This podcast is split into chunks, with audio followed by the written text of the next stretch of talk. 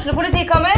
Ine Jansen er purk. Er du purk? The motherfucking bitch. Alt jeg vil, er å finne ut hva som skjedde med mannen min. Jon Carew. Er jeg sikta for noe? Iben Akeli. Det er du.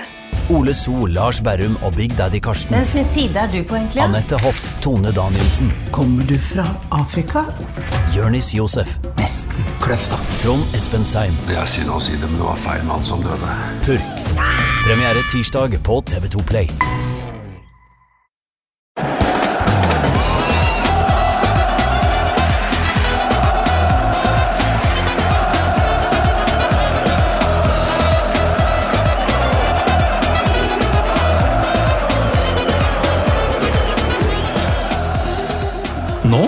Folkens, eh, har det gått en liten stund siden sist, fordi eh, det ble ikke noen episode forrige uke.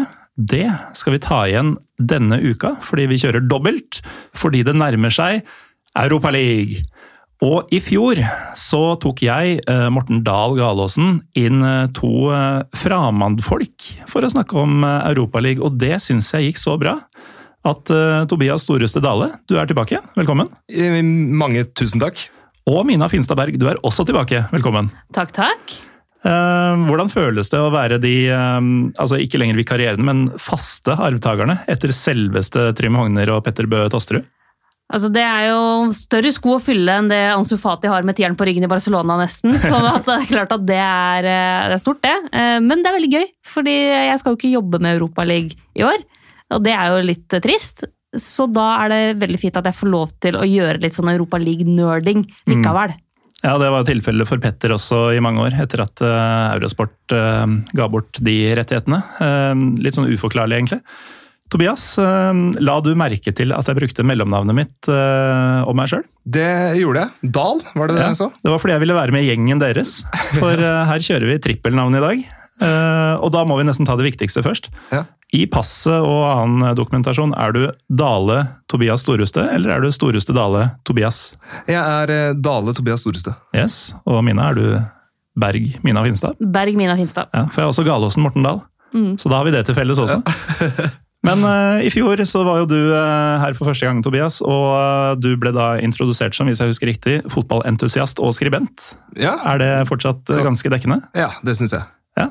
Det, Verken mer eller mindre, egentlig. Og snart utdanna lærer, da, fikk jeg høre på utsida her. Ja da, det, det òg. Men eh, først og fremst eh, fotballentusiast, tror Ja, jeg. det, det tror jeg flere av oss kan, eh, kan si. Eh, Mina, du jobber jo fortsatt som det ene og det andre i TV 2-sporten.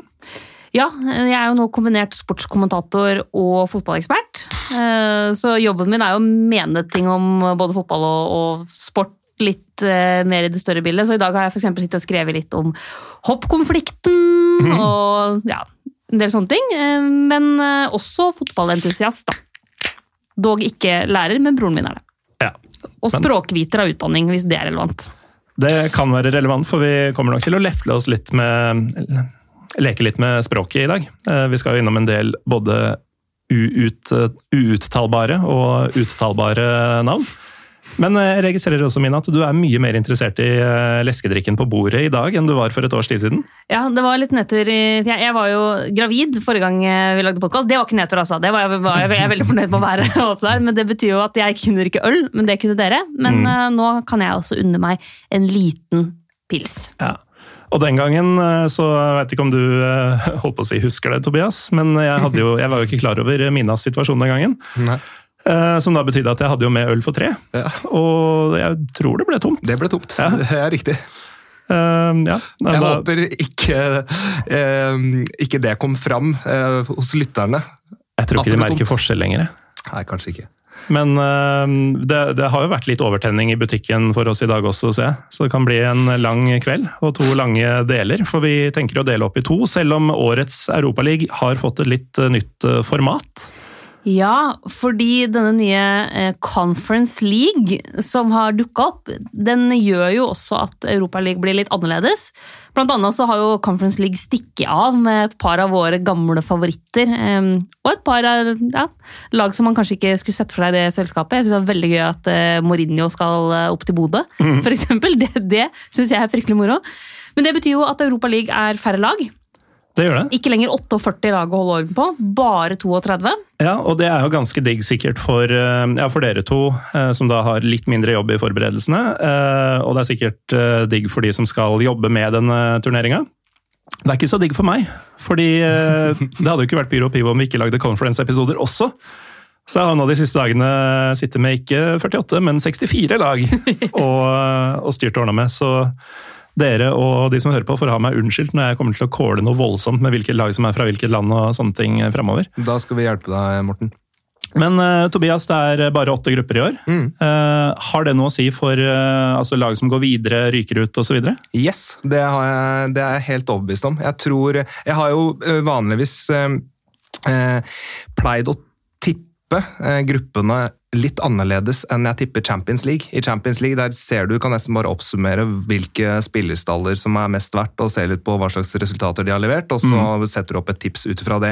I Europaligaen så må du ta høyde for en hel rekke andre ting, og disse tingene tror jeg at man nå i større grad må eh, ta hensyn til når man skal tippe Conference League, f.eks. Mourinho, hvor motiverte de er for å toppe laget på Aspmyra. Ja, Og så veit vi jo mye mindre om hvordan sluttspillet blir seende ut enn før. Fordi det har jo pleid å være sånn i Europaligaen at eh, ja, det er jo nummer én og nummer to går videre til liksom, utslagsrundene, og så kommer gruppetreerne fra Champions League deisende inn der. Og veldig ofte så finner du jo kanskje en ny favoritt til å vinne turneringa idet du ser hvilke av de store kanonene som ikke klarer å gå videre fra gruppespill i Champions League. Men nå er det jo ikke så enkelt lenger. Eh, For nå er det jo sånn at gruppevinner går da direkte til åttedelsfinale. Eh, Gruppe toer går til en sånn slags utslagsrunde før utslags... Eller før, cupspillet. Og, så går, og, der, og der møter de gruppetreerne fra Champions League. Mens gruppetreerne i Europaligaen de skal ned til Conference League. Ja. Så det, er, altså det, det at det har noe å si for, um, for tre av fire lag i hver gruppe, det bør jo bety at det blir veldig lite eh, hva skal vi si, tanking. Altså, veldig sjelden du får muligheten til å bare hive fra deg kampen, fordi du vil jo ikke ryke ut. Du vil ha førsteplassen i stedet for andreplassen, osv. Så, videre. um, så det er jo en litt sånn spennende greie, da. Og så er det jo litt kjipt, uh, syns jeg, for jeg liker jo alltid Europaliga-laga bedre enn Champions League-laga, at vi er, uh, har færre garanterte videre av Europaliga-laga. Men så er det jo også sånn at uh, de har faktisk mulighet til å slå ut Champions League-laga før de i det hele tatt får være med i den ordentlige turneringa. Så det er jo en del, uh, en del nytt, da. Men uh, kortversjonen som Mina var inne på, kun gruppevinner direkte videre. Gruppe toer spiller mot treer fra Champions League. Og treerne går til uh, Conference, den nye jyplingen i gata. Og når vi kommer til sånn mai-juni, så skal det spilles en finale. Og den skulle egentlig spilles i Budapest, men så ble jo ting utsatt et år, og EM først og fremst, som gjorde at de rydda litt i papirene i Uefa.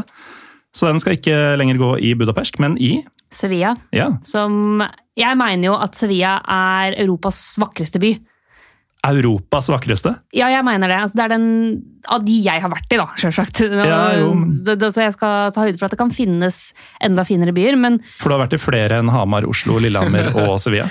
ja, har, har blitt litt etter hvert. Men, det, men den skal da spilles på Ramón Sánchez Pizjuan, eh, Sevilla sin ærverdige eh, katedral av en stadion eh, i Sevilla. Jeg har vært her på kamp, på Europaligakamp faktisk. Jeg så, ja, det er jo så. Sevilla mot eh, Det var vel mot Astana Nei, det var ikke mot Astana, det var mot Apoel Ja. lag på. Men, det, men i hvert fall, eh, det var veldig kult. Fikk hymne og alt mulig. Nei, men Sevilla har synes jeg, den perfekte komboen av digg mat. Det er jo tapashovedstaden over alle tapashovedstader. Eh, fin arkitektur, kul historie, hyggelige gater. To fete fotballag, altså både Betis og Sevilla. sånn at det du kan gjøre, som jeg fikk i gave i 30-årsdagen eh, min av sommeren min, var jo at vi tok en høstferie i Sevilla. så Vi planla med terminlista, sånn at vi fikk sett Betis i La Liga og Sevilla i Europaligaen. Så at vi liksom fikk begge Sevilla-lagene på hjemmebane. To fantastisk fete arenaer. Betis sin mer sliten, kanskje mer autentisk, vil noen hevde. Mens eh, Ramón Pizjuan er en helt fantastisk vakker arena. Så er det jo Altså, det har vært en sommer med mye It's Coming Home, og så endte det med It's Coming Rome. Men um, altså, at Europaliga-trofeet, uavhengig av hvem som vinner, faktisk skal deles ut, altså finne veien til Sevilla og deles ut der, det er jo På sin det er- Det er der den hører hjemme. Ja, ja, Det er bare på sin plass. Men uh, vi må nesten komme i gang. Skal, uh, skal vi lykkes før det blir uh, i morgen? Og um, vi kan jo begynne med gruppe A. Hva syns dere om det? Det er jo veldig tradisjonelt Ja. å begynne på toppen, men eh, det får gå. Tenk om jeg hadde sagt gruppe C. Det hadde blitt kaos. Nei, vi tar, vi tar A til å begynne med, tenker jeg. Og der finner vi um, Ja, det er jo litt blanda drops, men en fin gruppe, syns jeg, sånn ved første øyekast. Det er eh, Lyon fra France, det er Rangers fra Scotland, Sparta Bra fra Tsjesjka og Bornby fra Danmark. Hvor, eh, hvor skal vi begynne, Tobias? Nei, eh, vi kan begynne med førstesida. Eh, Olympic Lyon. Ja. Mm. Det um, De var jo en gang fotballhovedstaden, de, i nesten et tiår. Mm. Og nå, nå er de her, da. Og det, det føles jo egentlig ikke feil at eh, Lyon nå hører til på nest øverste nivå i europacupene. Um, de, um, de er jo mest kjent kanskje for dette Sagnomsuste Akademiet og alle de der tusener av talentfulle spillere som har kommet gjennom systemet og begeistra fotballverden. Um, ikke den mest kjente årgangen av Lyon-spillere akkurat nå, vil jeg si, men de har fortsatt Hose Mawar. Altså. Ja, og det hadde jeg søren meg ikke trodd at de skulle Jeg trodde ikke de skulle beholde han gjennom sommeren, for han var rykta til omtrent alle klubber. Det har vært overgangsvindu Ja. i flere år på rad nå. Eh, og han- er sånn spiller som Den dagen han faktisk forlater uh, Lyon, så lurer jeg veldig veldig på hvordan han håndterer det å gå til en annen klubb. Men eh, han har det, og så har de jo også super-supertalentet Rayan Cherki, Mm. som eh, er, har blitt 18 år. Han er, han er jo født i 2003, men det føles ut som vi har prata om ham i årevis allerede. Han var 16 år da han debuterte i Champions League. Mm. Så, så han har jo fortsatt mye, mye å fare med. Eh, Så Det er jo kanskje de to spillerne for de som liker å se på Europa League for å se på de unge og fremadstormende. Og så har de henta gamle, gode travere som Sheridan Shakiri, My Man, eh, og ikke minst Jerome Boateng, som kom snikende inn som free transfer på tampen der. Ja, den eh, Det er ikke så akademiprega, Tobias. Nei, det er for så vidt ikke Shaidan Shakiri heller. Uh, vil jo eh, nevne én til da, av disse unge, og det er jo Maxim Ka- Kakiré eh, på midtbanen, som er en av de der eh, Frankrike har nå veldig, veldig mange spillere i den posisjonen, eh, i den alderen, som er veldig spennende, og han er helt åpenbart en av dem. Um, men nei, Jérôme Boateng De har jo De har jo eh, han brasilianeren Marcello, er det han heter, fortsatt. Så kanskje det er greit med litt eh, rutine bakerst og eh, ungt pågangsmot eh, fremover.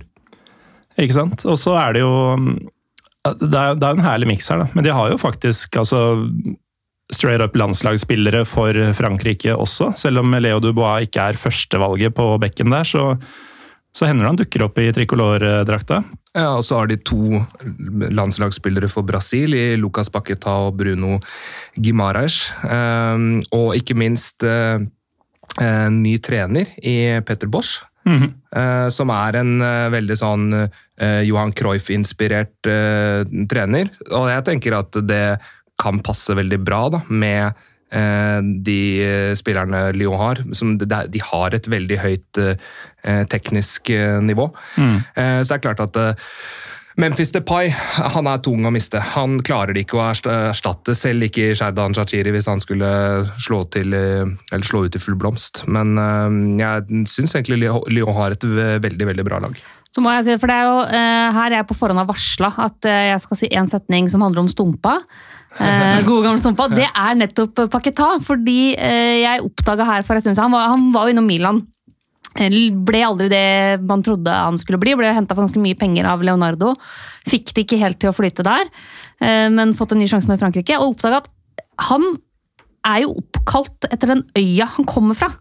Fordi du veit jo aldri med brasilianere hva de egentlig heter, basert på hvilke navn de spiller under, men han heter jo egentlig Lucas Tolentino Cuello de Lima, men kommer da fra øya Paquetá. Og har da fått det navnet. Så det er liksom god gamle Stumpa-ånden etter Nøtterøy og Orkanger og hele den gjengen der. Og det syns jeg er ryddig. Det er veldig veldig ryddig Når du har 15 navn, liksom, så bare går du for der jeg kommer fra. Så jeg vurderer å, å begynne å bare kalle meg selv Lillehammer. Hvis jeg trenger et sånt kunstnernavn noen gang. Min navn er Ronaldinho Gaucho. Sånn eh, litt samme greie. Eller nøyaktig samme greie, kanskje. Men eh, altså, vi kan jo ikke kalle oss Mina, Tobias og Morten etter dette. Vi må jo være Lillehammer, Jessheim og Fjellhamar. For en trio. Det er, det er bondsk, vil noen kanskje hevde. Ja. Men eh, altså, det, det ser jo eh, Jeg nevnte jo omtalte jo gruppa som eh, litt sånn blanda drops. så jeg syns ikke motstanderne til Lyon ser ikke spesielt avskrekkende ut, selv om vi har vært litt på gjerdet kanskje på hva dette Lyon-laget her er. Jeg tror de eh, Jeg vil eh, fint utrope dem til favoritt til denne sagnomsuste førsteplassen. Ja. Um, men vi må, vi må si litt om Peter Boss, eller Peter Bosch, eller hvordan eh, det skal uttales. For han, han får jo Han har ikke hatt noen sånn kjempesuksess i de andre store klubbene han har hatt, men han får fete jobber. Og han får, eh, litt som du var inne på, Tobias, han får jo klubber som eh, hans filosofi passer til. Da. Litt sånn lekne, offensive lag. Og så har det ikke helt funka i verken Leverkosen eller eh, Dortmund. Kanskje er alle gode ting eh, fire? Det, det er jo litt sånn typisk sånn, altså, når du spiller tikki taka med aggressivt presspill og altså, veldig fokus på ballbesittelse, trekanter, offensive bøker, ba- balanserende anker osv., så, videre, eh, så er det jo eh, Du tar en stor risiko, da. Og fotball er jo veldig mentalt, så hvis du først da går på et par smeller noen kamper, og du begynner å Det var det som skjedde i Bayer Leverkosen, at det ble en lang rekke med dårlige resultater. Men jeg syns det du det du skildrer når det gjelder Petter Bosch, eller Boss Jeg aner ikke hvordan det uttales. eh, Så, så tenker jeg litt på Thomas Tuchel også, som egentlig fikk veldig store, fete jobber uten å ha vunnet store titler. da. Kom jo til PSG uten å ja, kan, kan Mulig var et cupgull eller noe sånt for, eh, for Dortmund, men det var liksom litt både og der òg. Ja. Men de spilte fett. Nådde liksom aldri opp. Ja, og jeg tror, altså, Så ærlig må vi bare være i om fotballen at uh, du har mye større tabbekvote på det å ikke klare å vinne fotballkamper hvis du spiller det folk mener er artig fotball. Og Du, du slipper unna Ja. med utrolig mye dårligere poengfangst hvis Altså, hvis du taper alle kampene 3-2, kontra hvis du taper halvparten 1-0 og spiller 1-1 i de resterende. liksom. Ikke ja, sant? 100 Og så må det sies også at Petter Bosch har tross alt spilt Europa League-finale med Ajax. Han har det. Det er sant. Det var mot uh, Mourinho sitt uh, Manchester United. United da. Mourinho vant uh, i 2017, var det vel? Eh, ja, 16 eller 17. Jeg husker ikke. Ja. 17 var det vel, ja. Det var 17. Det var Ja, jeg 17. tror det var har 20 rippa seg. da. 2017-finalen der, ja. Så litt resultater har han visst til. Og så må vi jo bare ta med en gang, Nå kom det jo en kjempenyhet fra mm, Vi sitter her på tirsdag kveld. I går så kom det jo en nyhet fra Uefa om at eh, de står ikke i veien for bortefans, men det er jo da de gjeldende innreiseregler til de forskjellige landene og sånn. Eh, Men eh, vi må da ta med at noe av- det vi savna da vi satt her i fjor, var jo at eh, alle disse tribunegreiene, de, de ville vi jo ikke få forrige sesong. Eh, Og et av de lagene som virkelig kommer til å merke at de har publikum tilbake, det er eh, Lyon. Yes. Altså, Frankrike Man snakker liksom sjelden om dem når man er liksom på Balkankjøret og Tyrkia og Hellas og for så vidt også Italia, men eh, Frankrike er et av de ledende tribunelandene i, i Europa, og Lyon sine er blant de fremste i Frankrike. Så hjemmekampene der mot altså Brøndby-supporterne som drar på tur, de skal få kose seg skikkelig. altså. Ja, Det er jo nydelig for Brøndby-sporterne uansett, tenker jeg. Få seg en liten tur eh, ned til Frankrike der, kose seg og Ja. Nei, men det er viktig at eh, du sier det, altså, fordi det er jo noe av det jeg har elska høyest med å jobbe med Europaligaen, er jo nettopp at for de av oss som syns supporterkultur er gøy, da, og syns det er spennende, så er det veldig kult å se det, det møtet mellom ulike fotballkulturer utspille seg på tribunene. Og det blir ikke det samme med liksom en liten delegasjon fra Uefa. De klarer på en måte ikke å veie opp for det, altså. Nei, og vi nevnte jo Brønnby. altså Dette er jo en turnering for eh, supportere som ikke er så godt vant ofte. eh, Og da setter de jo stadig større, eller desto større pris på disse kampene. da. Som jo har forsterka akkurat det elementet veldig i Europaligaen, når du har sett Kjøln med 25 000 mann i, eh, i London for en Arsenal-kamp hvor det var vel egentlig 8000 bortefans. Eh, Frankfurt som har drevet og herja rundt, osv. osv. Det er jo klubber som ikke driver og det er jo ingen av dem som tenker at de skal kjempe mot PSG og Juventus og sånn. Eh, De er bare her litt som en kuriositet og syns det er dritfett, og nå skal vi virkelig gjøre det alt ut av det. Sånn det stikk motsatte av blasert. Um, en gjeng som ikke har vært så blasert eh, på en del år, men som eh, begynner å ligne sitt gamle jeg, det er jo Glasgow Rangers. Mm. Som eh, til slutt klarte å ta tilbake tronen i, eh, i eh, Skottland. Akkurat da Celtic skulle ta sitt tiende på rappen, så, så røyk det. Altså, vi må jo Altså, vi må jo tenke litt på hva den prestasjonen faktisk innebærer, da. Fordi det er jo en klubb som ble stryket. Og Ja, de ble nulla. Mm. Rett og slett nulla. Og knakk jo av eiere som skulle trikse og mikse med skatteregler, og det ble lånt penger og investert her og der, og, og rett og slett klarte å ødelegge en hel klubb Mm. fordi de ikke klarte å holde styr på økonomien og prøvde å, å være smarte og endte opp med å rundlure seg sjøl. Og det er sånne ting når du hører om det i nyhetene, sånn nå ser det ut til at Rangers eller den og den storklubben skal lide den skjebnen, så tror du aldri på det. For det skjer jo aldri til slutt. Det blir alltid noen bailouts eller noen sånne eh, juridiske krumspring og sånn. og så eh, fordi klubben er så verdifull for både fotballforbund og samfunn og alt mulig. Mm. Men her skjedde det, Jaggu. og det er ikke så lenge siden heller. Nei, nei.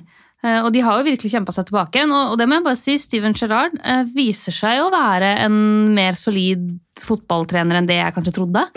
Eh, Rangers var bra i Europaligaen forrige sesong. Mm. Røk vel i åttedels, kan det stemme? Ja. Jeg tenkte jo Jeg tenker alltid mitt, da, når, når tidligere spillere får sånne type jobber. Mm. Um, Ja, De har alt å bevise. de har alt å bevise. Også i noen tilfeller så går det veldig bra, og i andre tilfeller så ja, går det rett på trynet. Zidane er jo bevis på at det kan funke veldig veldig bra å bare liksom ta en tidligere spiller. Nå har ikke, Ranger, nå har ikke Gerrard den Rangers-historien, men det ser jo etter hvert ut som Steven Gerrard har en del å fare med som manager. Mm. Det er en kjempeskalp å ta tilbake seriegullet der. Eh, Det er eh, imponerende. Så jeg er liksom spent på hvor langt det Rangers-laget her eh, kan, kan klare å gå. Eh, Så har de jo altså, Kaptein og høyrebekk James Tavernier. Mm. Så dere tall, måltallet hans i forrige sesong? Han var vel eh, Han endte vel ikke som toppskårer i ligaen, men han Altså- var det en stund. Han hadde 11 mål og 10 målgivende på 29 ligakamper. Han hadde 19 mål og 16 målgivende på 46 kamper i alle turneringer, som back! Mm. Altså, det er så spinnville tall at det skal liksom ikke være mulig. Og noe som gjør den prestasjonen enda litt mer kuriøs, er jo at eh, Rangers eh, i løpet av hele forrige sesong uh, slapp inn fire mål på Ibrooks i serien. Fire mål. Det, det er helt vilt. Og de, ja, de holdt nullen i mange kamper, så de har eh, kunnet eh, sende opp han ganske komfortabelt.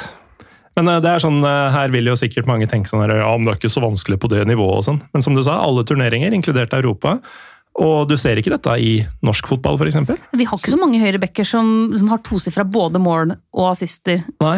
Altså, Lars Ranger er nok en sesong eller to unna det. Men uh, utover det så er det syltynt på høyrebekkene i, i Eliteserien. Altså. Men uh, det, det er jo Altså, jeg har jo en uh, litt sånn herre obskur favorittspiller som jeg alltid skal trekke fram når det er snakk om Rangers. Og jeg har jo også spøkefullt sagt at denne spilleren er det som har bikka meg over på én side i, i Glasgow. Som irriterer alle jeg kjenner, forresten, fordi alle holder jo med Celtic. I større eller mindre grad. Men Jannis Janis Haji, han er med. Han er med, men det er så vidt. Altså, Ja, spiller ikke. Han, han er sjelden fast. med på laget, altså. Ja. Og det, det skjærer meg i hjertet. Og så er det litt sånn kjipt, fordi det sier noe om hvordan fotballen har blitt. At han, har jo nå, han er jo nå 22 år gammel, Mm.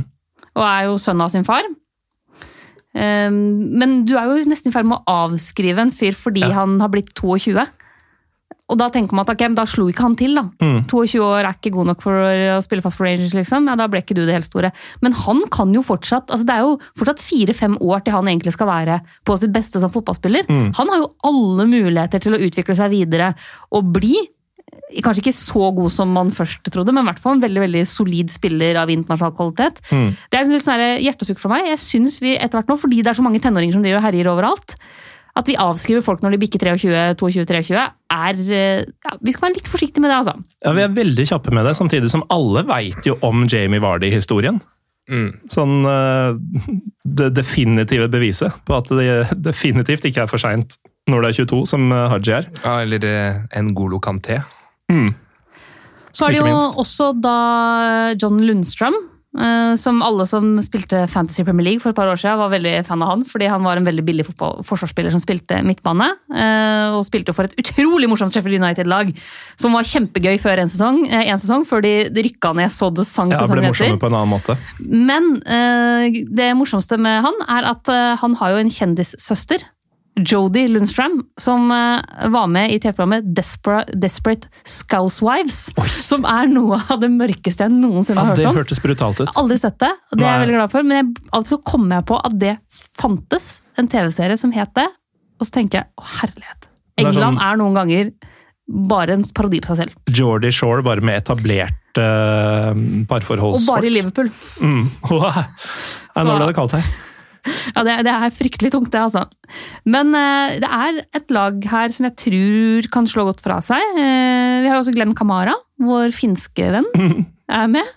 Um, Har dere forresten lagt merke til uh, hvor um, hvor lite sånn der, um, klisjéfinsk det finske landslaget har blitt?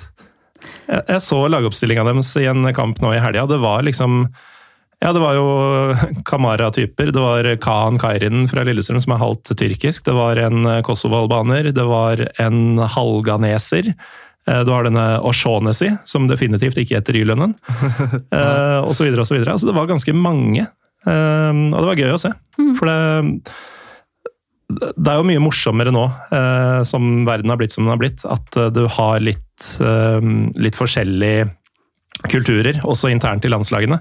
At det ikke bare er Karjalainen og Lipolainen og sånn, men at eh, eh, Men eh, nok om det. Han, Glenn Kamara er altså veldig finsk, og han, apropos Han ble utsatt for noen grusomme greier i Var det forrige sesong, eller året før? det var forrige sesong, ja. Det var Mm. da han ble utsatt for rasisme eh, av en tsjekkisk spiller, som jo måtte stå over EM pga. det. Ja.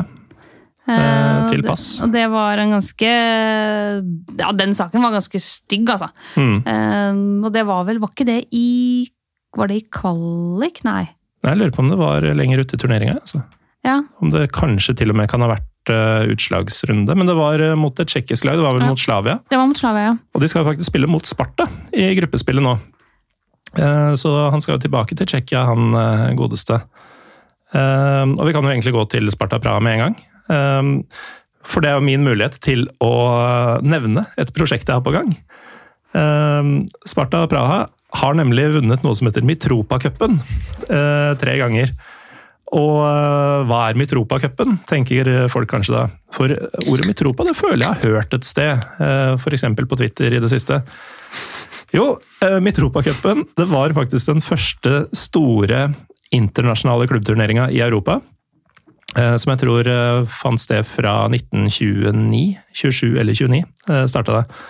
Og i begynnelsen så var det stort sett uh, klubber fra sånn, det gamle Østerrike og Ungarn. Det var liksom Tsjekkoslovakia og Ungarn og uh, noe østerriksk uh, osv. Så, videre. så ble det større og større, og favna etter hvert uh, nesten hele jeg holdt på å si høyresida av jernteppet.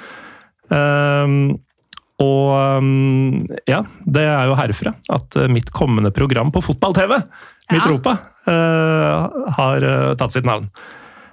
Men eh, utover det så er da Sparta fra Tsjekkia eh, og egentlig Sentral-Europa, hvis det er et begrep fortsatt. Ja, det syns jeg det er. Ja, det, de er den eh, mest suksessrike klubben fra Tsjekkia og også Sentral-Europa. Har over 60 hjemlige titler. Og eh, jeg, jeg har lagt merke til i notatene våre, for jeg har jo kopiert litt fra fjorårets og sånn. Det har vært mye snakk om at den østerrikske ligaen har blitt ganske bra etter hvert, for de har alltid med noen lag, og de går ofte videre og sånn. Eh, Den tsjekkiske er ikke så verst, den heller, altså. Og det tsjekkiske landslaget Mm. i EM viste jo at de eh, Det er ikke et lett lag å spille mot det heller, altså. Nei, det er ikke det. Så absolutt. Men Og veldig mye hjemlige spillere, for øvrig. veldig mye hjemlige spillere. De har jo også en unggutt som vi hausa ganske kraftig opp allerede i fjor. Mm. Eh, Og som jeg hadde med på min sånn der, 'her er ti tenåringer som kan ta EM med storm'-blogg, som jeg skrev til EM i sommer. Og det er jo Adam Chlosek, som har rukket å bli 19 år. Eh, Men som eh, fortsatt ser helt spinnvill ut for alderen. Delt toppskårer i ligaen forrige sesong. 15 mål på 19 kamper fordi han var skada halv sesongen. Eh, da jeg sjekka her i går, eller forgår, så hadde han da tre mål og to målgivende på de første seks seriekampene den sesongen her. Så det ser jo ut som at han Han skal fortsette i samme spor. Du Tobias var ganske gira på, på han, husker jeg, forrige sesong. Ja, jeg, han er fullt så tett jeg kan gjøre, på, på en måte. Eh, han eh, er eh, ja, eh, ekstremt eh, stort eh, talent. Eh, vil kanskje ikke si at han er det største talentet i den gruppa her, med tanke på Lyon sine, men at han er det største talentet hos de tre andre, eller av de tre andre lagene, det er eh, ikke noen tvil om. Og hvis han holder seg skadefri eh, denne sesongen her, eller kanskje til og med fram til, eh, fram til vinteren, så er jeg helt overbevist om at han eh, blir eh, solgt. Og jeg er overrasket over at han fikk spille eh, så lite i, i EM. Eh, og du nevnte det, Mina, at Tsjekkia gjorde jo det bra i EM også. Um, med en litt sånn ja, kjip tilnærming til fotballen rent filosofisk, etter min mening. Uh, men nå har de jo uh, fått uh, Pavel Verba som ny trener i foran denne sesongen. Trente, vi, tror vi kanskje vi prata om han forrige gang, for at, han uh, trente jo Ludo Goretz. Uh, fikk faktisk sparken etter en annen sånn Europa League-kamp for dem ganske tidlig. Men uh, han er kåra til uh, Tsjekkias beste fotballtrener siste, uh, altså åtte ganger de siste ti åra, eller noe sånt. Og er blitt sammenlignet med Arsen Wenger i måten å spille fotball på. Så han er en spiller som Nei, unnskyld, han er en trener som har liksom liker veldig godt offensive spillere, som igjen da kanskje gir fordeler da, til Adam Losek.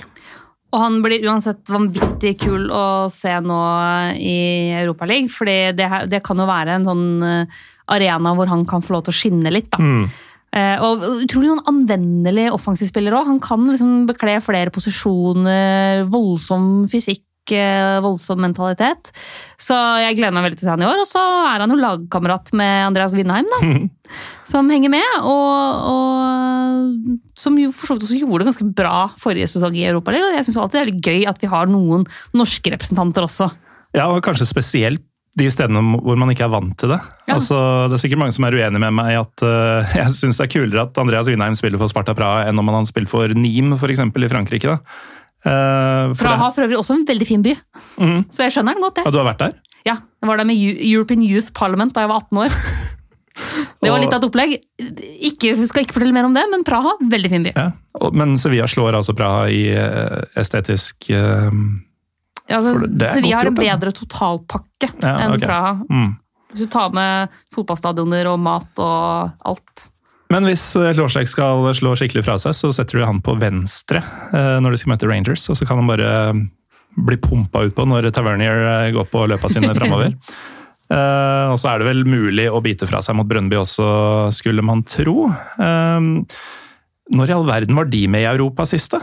Det er en klubb som har ligget litt sånn De, de er jo ikke den ja. naturlige toeren i Danmark lenger, fordi både Midtjylland spesielt, men også Nord-Sjælland har jo tatt så store steg eh, siste tiåret pluss minus. Altså Brøndby, jeg husker jo de veldig godt da jeg ble frelst, som jeg pleier å si, i 98. Da var de faktisk i Champions League-gruppespillet I en lei gruppe. ja, med Barca, eh, Bayern München og var det, Manchester United var det siste laget. Eh, de er jo eh, ne, To altså, av de lagene spilte finale seinere Mm. den sesongen.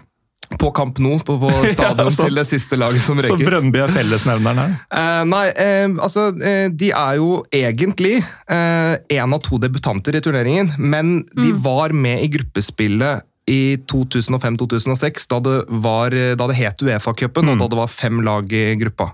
Og da havna de på fjerdeplass. Ja. Og i, i Uefa-cupen gamle så jo- beit de jo ganske bra fra seg. De har slått, litt usikker på om det var Uefa-cupen eller en av de andre 90-tallsturneringene, men de har slått ja. i enkeltkamper. Så vant de på Anfield. Da tror jeg Dan Eggen ble matchvinner. Eh, sånn typ 95 eller noe sånt. Og de har også Ja. slått eh, Nei, det var ikke Brøndby, det tror jeg var OB som slo Real Madrid hjemme en gang. Men Brøndby spilte semifinale i Uefa-cupen i 91. Mm. I, mot Roma, eh, hvis jeg har eh, rett i mine notater. Dette husker jeg jo ikke fordi jeg var to år gammel, så, så det ville vært litt i overkant å ha fått med meg det da. Men, eh, men, de, de spilte semifinale. Eh, De har jo også et par norske innslag i Ja. troppen sin, som er, som er hyggelig. Sigurd Rosted er jo der, og sammen med Tobias Børkeie. Så har det kommet inn en nå på tampen, i Henrik Heggheim. Yep. Dyreste spilleren de har kjøpt i år. Eller sånn overgangsnytt der. Det er ganske sprøtt. Eh, og så er jo det laget som, eh, ja, som Heggheim kommer inn i, da, det er jo faktisk regjerende dansk mester. Så ikke bare har de holdt på å si, tatt tilbake topp toen, men de er, de er på toppen akkurat nå. Mm. ganske spennende prosjekt de har drevet med i årevis, som ser ut til å være litt på vei ut. da. Men det var jo to tredjedeler av laget virka som var jo tysk i eh, flere av de siste årene. Men eh, nå er tyskerne borte og erstatta av eh, ja, en eh, brokete forsamling fra både fjern og nær. Um, hvor godt følger dere dansk liga, egentlig? Altså, Jeg har veldig overfladisk forhold til det. Jeg skjønner at den er ganske mye bedre enn den norske. Jeg, det går i bølger. Jeg var ganske godt oppdatert i lange perioder fordi en av mine sjefer er jo broren til Ståle Solbakken. Sånn at det var en periode der hvor vi fikk en del påfyll fra dansk fotball. Sånn, altså når du sitter i en sportsredaksjon og prater rundt lunsjbordet, så er det jo gjerne det man har sett av fotball i helga. og litt sånne ting. Så jeg fikk ganske mye påfyll derfra en periode. Mindre nå enn før, av naturlige årsaker. Eh, Men ellers så blir det jo til at man følger de liksom store laga og de store overskriftene og lagene ute i Europa. Eh, Men det er en fellesnevner for det jeg har sett av de danske lagene i Europa de siste årene, at de, de leverer bra, altså. De spiller god fotball, de er vanskelig å slå, de har gode spillere med sterke, som er, har sterke individuelle ferdigheter. Det er på et ganske høyt nivå, mye av det. Um, og det, det, det reflekteres jo også i det danske landslaget. liksom. Det danske landslaget har jo blitt et veldig godt landslag i europeisk sammenheng. Altså, de er ikke, de er ikke topp fem, liksom, men de er i det sjiktet rett bak de største kanonene i kvalitet, mener jeg. Ja. Og det er ikke bare fordi liksom, å se på moralen i laget da Kristian Eriksen holdt på å dø. Liksom. Det handler ikke bare om at ja, de er gode gutter som står opp for en lagkompis. Det handler også om at de faktisk spiller fotball på et veldig veldig høyt nivå. Og Men det det er- bærer også ligaen preg av.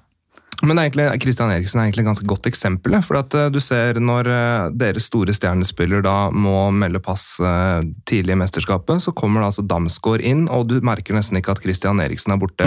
Jeg kan ta et annet eksempel for å vinkle det litt inn mot Brønnby Brøndby.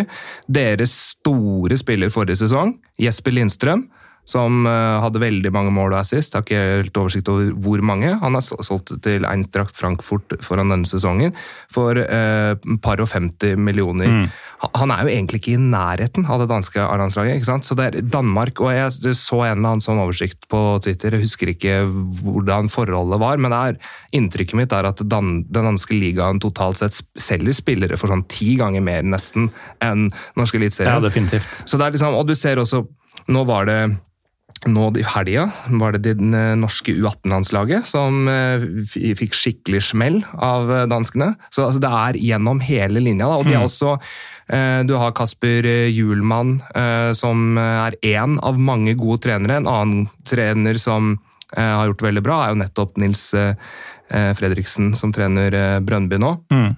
Eh, og som det er eh, de, de minner litt om disse laptop-managerne fra Tyskland. Ja, Ja, så det er egentlig over hele linja, det er noe Danmark holder på med som, som de får til veldig bra. Og de er en, de er en stor fotballnasjon, ganske enkelt. rett og slett. Og jeg tenker jo sånn umiddelbart at det er ikke gitt at Brøndby ikke eh, kan kjempe med både Rangers og Sparta om eh, i hvert fall unngå sisteplassen her. Absolutt, og det har jo blant annet eh, FCK lært oss at du skal ikke kimse av de danske seriemesterne Nei. når de skal ut og møte europeisk motstand.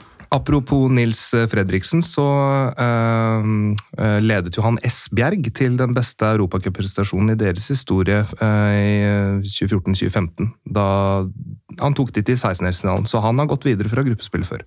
Esbjerg, altså. Mm. Det er, det er liksom, eh, Nå har vi snakka opp dansk fotball her, men jeg merker det er et par ting som gjør at jeg aldri helt kan ta det på alvor. Og det er eksempel at Jeg veit jo ikke forskjellen på Hobro og Horsens. Uh, Og Esbjerg høres jo bare ut som sånn ja, norsk tredjedivisjon, kanskje? Horsens, som er gule og svarte.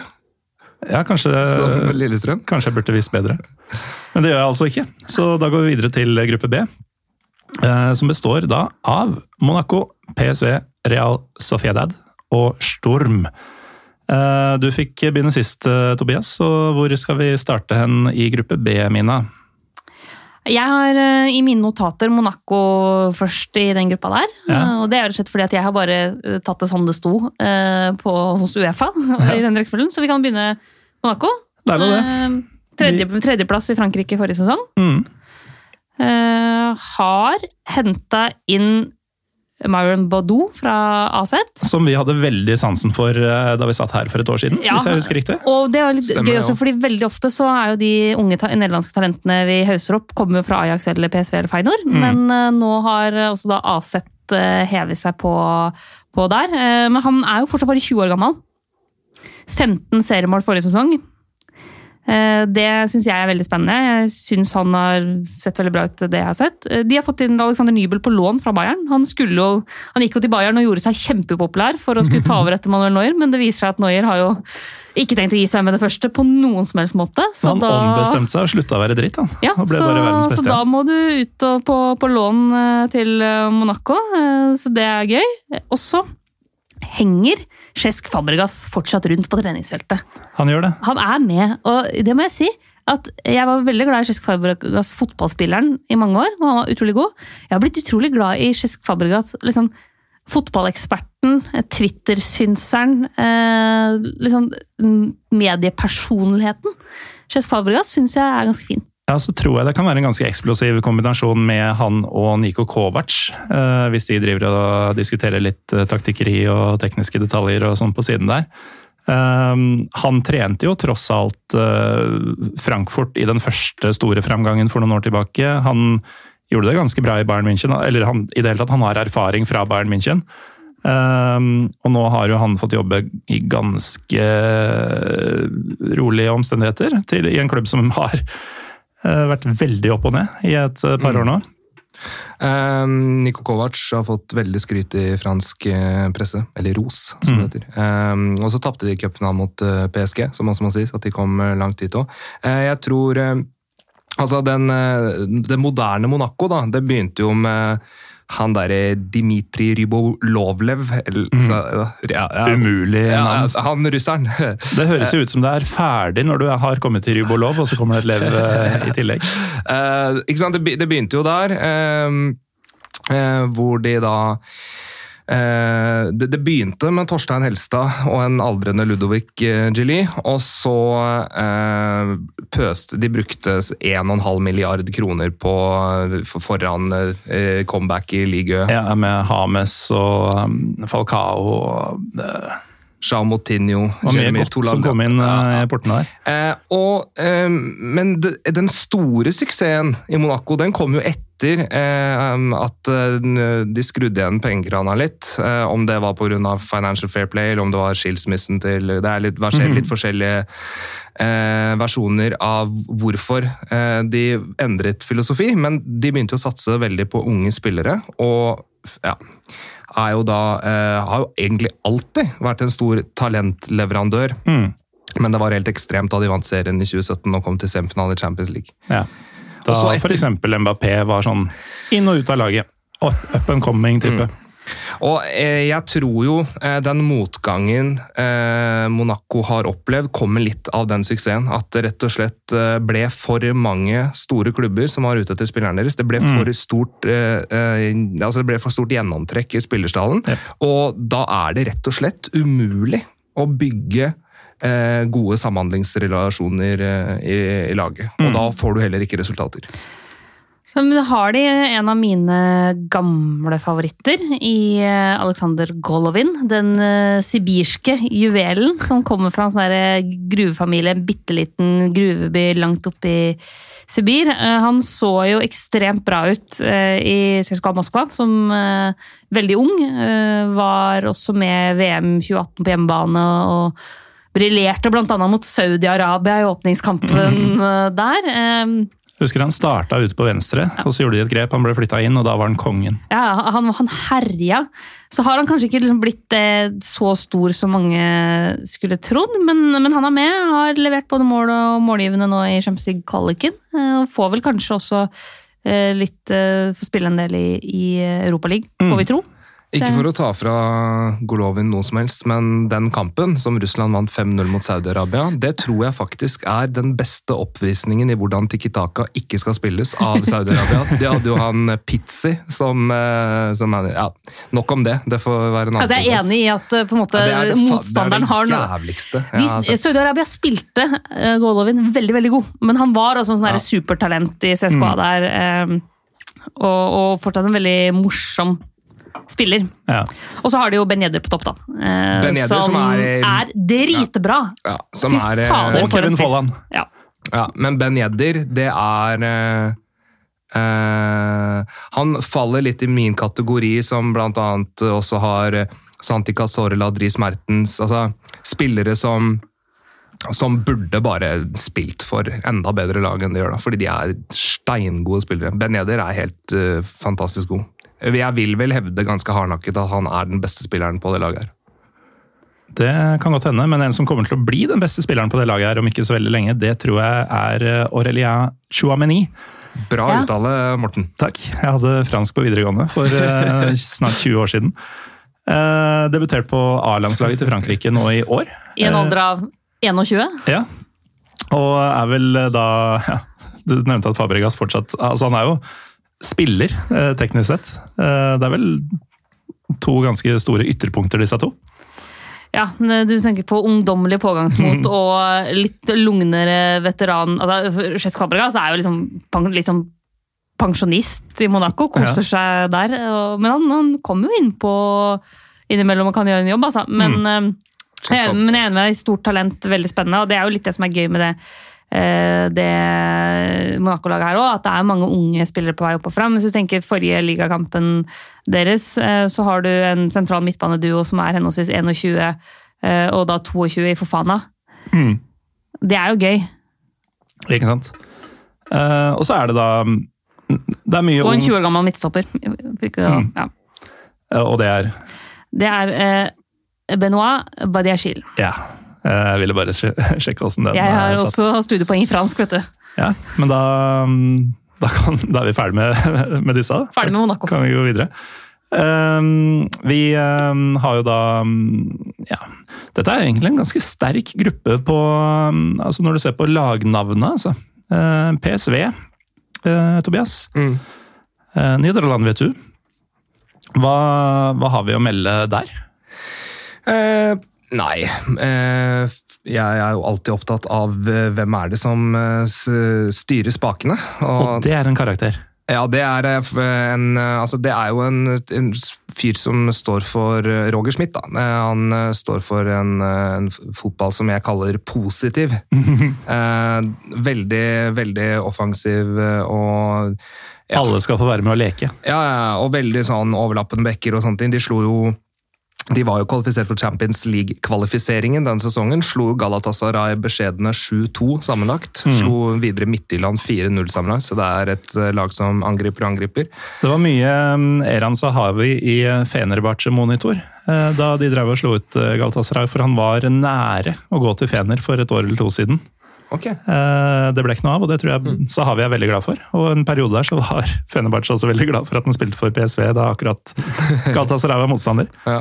Og så er det jo eh, Vi prata jo eh, veldig kjapt om eh, Mario Götze, som vi fnøs litt av. Vi snakket litt om eh, VM-finalen i 2014, og at det var leit, men at han tross alt hadde en eh, fin karriere å se tilbake på. Han har jo faktisk eh, funnet seg selv, altså riktignok i ja, en av en liga som ikke er like god som Bundesliga, men det har nok passa han også litt, det der med det fysiske nivået. Få lov til å liksom styre spillet i en sånn fri rolle der i PSV, i en klubb som skal spille ute i Europa, og som hevder seg i toppen i Nederland. Vet du, jeg tror det er kjempefint at han får lov til å gjøre det. Ja, og så er han i tillegg, da, så han har jo vært utsatt for skader, eh, som også han blir litt mindre utsatt for i en liga som den eh, nederlandske.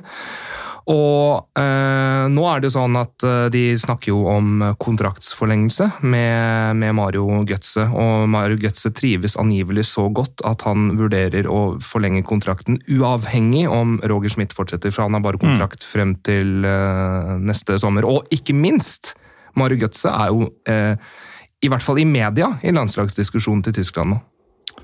Ikke sant? Og det, det er en ganske stor eh, comeback-historie, altså. Han har Veldig. vært avskrevet igjen. Og det er sånn som eh, jeg eh, kan bli litt rørt av. Med disse spillerne som bare er så avskilta som du kan få bli, og som så endelig klarer å, å, å finne seg i en klubb hvor de faktisk uh, syns det er gøy å spille fotball igjen. Mm.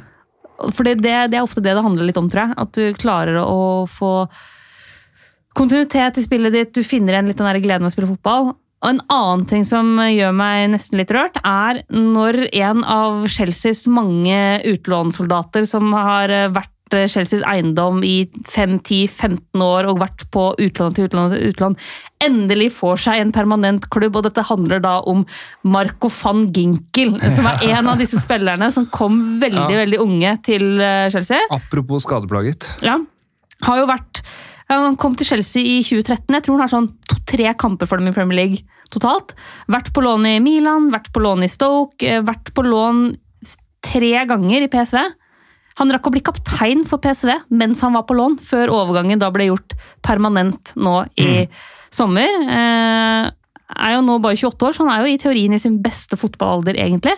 Det syns jeg er hyggelig. Jeg syns det er en kjempeuting at eh, klubber, ofte er det Chelsea, men det er andre storklubber som gjør det samme, bare rasker til seg absolutt alt de kan finne av talent, for å så sende, ha 100 spillere som de sender på en sånn her evig utlånsdans. Det er kjipt for de spillerne, så derfor syns jeg det er veldig gøy at eh, Marco van Ginkel nå faktisk har fått seg en permanent klubb.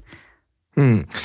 Eh, enig. Eh, en annen som jeg har lyst til å trekke fram i det PSV-laget her, som eh, av veldig mange speidere, altså folk som, eh, som har peiling, trekker fram som en av de største talentene i, i sin årgang, er jo Noni Madueke. Ja. Eh, og han eh, Tok har jeg turen fra Tottenham som 17-åring eller noe sånt, lurer jeg på. Eh, Det vet du jeg er helt veldig usikker på. Ja, Stemmer. Det, det er noe sånt. Mm. Eh, nei, jeg har uh, egentlig bare YouTube-erfaring med han, men også hørt altså Roger Schmidt uh, Lest litt hva Roger Schmidt også har sagt, da, at han er særlig god til å lese spillet, sånn at han havner på rett sted til rett tid. Men han har sånn Det ser du med en gang at han voldsomt eh, driv med ball, stor fart og ja, venstrebeint. Så jeg tror eh, også han der som spilte mot eh, Norge, eh, Cody Gakpo, på andre siden, også med Guts som tier. Fordi Guts spilte jo egentlig han spiller, Roger Schmidt er jo en 4-2-2-2-trener, mm. men nå spiller de med Guts i en sånn tierrolle, og så har du de ja, eh, Og så har vi på topp. Det blir ja, jo og så har vi på topp. Eh, så jeg tror at eh, det er virkelig noe å hente akkurat i den der fireren lengst fremme hos PSV. Altså. Ja, så har de jo en del alternativer også som vi ikke snakker om. Altså, Broma har vært utrolig god i, um, i uh, tyrkisk fotball, faktisk. Ritsu Doan var på utlån til Bielefeld i fjor. Var en av hovedårsakene til at de skåra nok mål til å klare seg mot alle odds. Um, jeg trakk jo litt spøkefullt fram Philip Max for et års tid siden. Uh, men han har jo vist at han har den venstrefoten jeg Ja, ja, ja. sa han hadde. Han er jo en kjempeoffensiv driver. Han er jo en av de beste spillerne i det laget her. Nettopp. Ja, ja. Ehm, så det, det er jo rett og slett et ordentlig kult lag, dette her. Og vel verdt å se på. Og det blir jo um, Altså, PSV-Monaco-kampene bør jo virkelig bli åpne og fine, med to lag som vil spille fotball og vil angripe. Eh, kampene mot Storm eh, bør de jo kunne Ja, nå skal vi ikke undervurdere den østerrikske ligaen. men- skal vi tippe, forresten? Eller bare dropper vi det? Ja, vi gjorde kanskje ikke det sist. Vi var vel ganske enige om at vi tror Lyon vinner gruppe A. Ja, det tror jeg. Um, Så er jeg, jeg er villig til å slenge inn Åh, nei, den, nei, vet du hva, gruppa A er dritvanskelig. Jeg, jeg, ja, jeg, bak Lyon så er det jeg vil ha både Rangers, Sparta Praha og Brønnby på andreplass, det blir jo vanskelig. Jeg tror Rangers tar andreplassen og Brønnby tredjeplassen. Mm. Og Jeg kan være med på den. Jeg kan være Sparta med på har det. egentlig bare Adam Lorsek, i mine øyne. Ja, så vidt vi veit det. Ja, Da sier jeg Brønnby på Borek andre. Dorskal. ja, Han fins fortsatt, da. Ja, han fins. Han fins i Sparta Praha. Okay. Men da, da har vi egentlig ikke tippa. Da har vi egentlig ikke tippa gruppe B. For vi Ja, det var, var egentlig bare spørsmål. Men det er, tilbake til PSV. Da, så bare, eh, en, en ting som bare må nevnes, da, det er at eh, PSV ja, vi er enige om de har et spennende lag. og Det er jævlig lett å si at eh, alle, alle lag er spennende alle spillere er spennende. PSV har et spennende lag. Det har de stort sett eh, hvert eneste år. Dette er et av de mer spennende PSV-lagene eh, som jeg har sett. Og eh, det på tross av at de har mista Malen og Dumfries og Ihataren eh, i dette. Ja, det er store- Og Pablo Rosario. store tap. Ja, det er det. Men det er likevel ikke det som har hatt fokus gjennom de siste åtte minuttene. eller noe sånt. Eh, Det sier jo litt om hva de har, eh, sitter igjen med. det. Um, nå er eh, jeg ganske blank, for nå skal vi til Spania. Eller rettere sagt Baskeland. Ja, er, du, er du blank? Ganske. Er det- okay, ja. Når det er sagt, så er Real Sociedad et av få spanske lag som jeg syns er litt interessante og kule. Ja. Uten at jeg helt har klart å sette fingeren på hvorfor. Og det, det kan jeg gjette at det blant annet handler om at de er baskere, som du syns er litt gøy. Fordi Baskeland er er, fett. Ja. Men, men Baskeland er faktisk ganske fett. Det er eh, sjukt god mat, det er eh, fet natur, og så er det et språk som ingen helt skjønner hvordan har havna der. Fordi jo, sånn Språklig sett da, så er baskisk er bare noe helt annet enn alle andre språk rundt. Det er ikke i nærheten av å være i slekt med spansk. liksom. Fordi du har jo spansk, katalansk og valenciansk, som alle er litt sånn ganske nært beslekta, fransk òg. Baskisk er bare sånn det er, De kjører sin helt egne greie. Uh, og, og jeg har jo alltid hatt en drøm om å reise til Baskeland. Har fortsatt ikke fått det til, men det blir neste tur til Spania. Jeg var faktisk på pressetribunen på San Mames eh, for et par år siden. Det er ganske Yes. Den så dere ikke komme. Nei, det, så jeg ikke gå. Da jeg henta ut pressepasset ja. sammen med Preben, eh, en fyr som eh, jeg var med i fotballuka med tidligere. Eh, så kom vi gående med noen sånne lokale hooligans på slep, for vi prøvde å lage noen videogreier og sånn, hadde møtt dem tidligere. Og så kom vi og skulle hente ut av våre to pressepass, og så sto det der litt sånn brokete gjeng bak oss og venta. Og bare hun dama i seksjonen, bare, eller i eh, åpninga der, bare sånn Your press? og du tenkte jeg skjønner at du spør. Ja, skjønte utmerket godt uh, hvorfor den kom. Men du snakka jo om at, både, altså at vi kan få veldig åpne åpne, morsomme kamper mellom Monaco og PSV, fordi det er liksom offensive lag som spiller uten en fot på gasspedalen. Og vi må vel også kunne være så ærlige å si at Real Sociedad har også sine styrker framover i bana. Først og fremst. Det er jo det offensive arsenalet der som er veldig bra og veldig gøy. De har jo David Silva. Ja, men Er dette en historikk for klubben? Fordi, eh, så jeg tror Noe av grunnen til at jeg har vært litt fascinert av dem, er jo at de i sin tid hadde den kanskje mest pyro-pivo-aktige eh, angrepsduoen eh, som har vært i en stor liga. Eh, nemlig Nihat Kaveji og Darko Kovacevic. Mm. det var nok med å sette noen spor. Og så er det vel de, de fulgte den der atletic-klubb-policyen lenge, ikke sant? helt Ja. til de skulle ha John Aldridge, av alle. Jepp. De Da- fulgte den lenge, ja. lenge, lenge før de Det, det var liksom bobla som sprakk. Men nå har de jo et eh, veldig altså, Real Sociedad er et ekstremt godt fotballag, bare for å ta det først. da. Eh, de er Spanias sjette eller femte beste lag. Sånn jeg ser det nå. Jeg er litt usikker på styrkeforholdet mellom dem og Villarreal. Jeg hadde ja, ja. Villarreal Mm. foran dem eh, da jeg skulle lage tabelltips, men de, det er liksom de to er lille hakket bak de tre-fire aller, aller beste, men det er søren meg ikke mye. Altså, hadde de hatt et bedre forsvar, eh, så hadde de vært oppe og nikka enda høyere. Mm. De har jo David Silva, som er en kunstner. De har Mikkel eh, Oyarzabal, som er en av mine favorittspillere. Eh, utrolig nydelig, smart, teknisk og elegant liten spansk fotballspiller. Eh, får jo faktisk nå spille litt på det spanske landslaget også. Eh, Og så har de jo Alexander Isak, som er i ferd med å bli akkurat så god som vi trodde han skulle bli da han eh, gikk til eh, Dortmund som pur ung guttunge. Eh, 17 seriemål forrige sesong.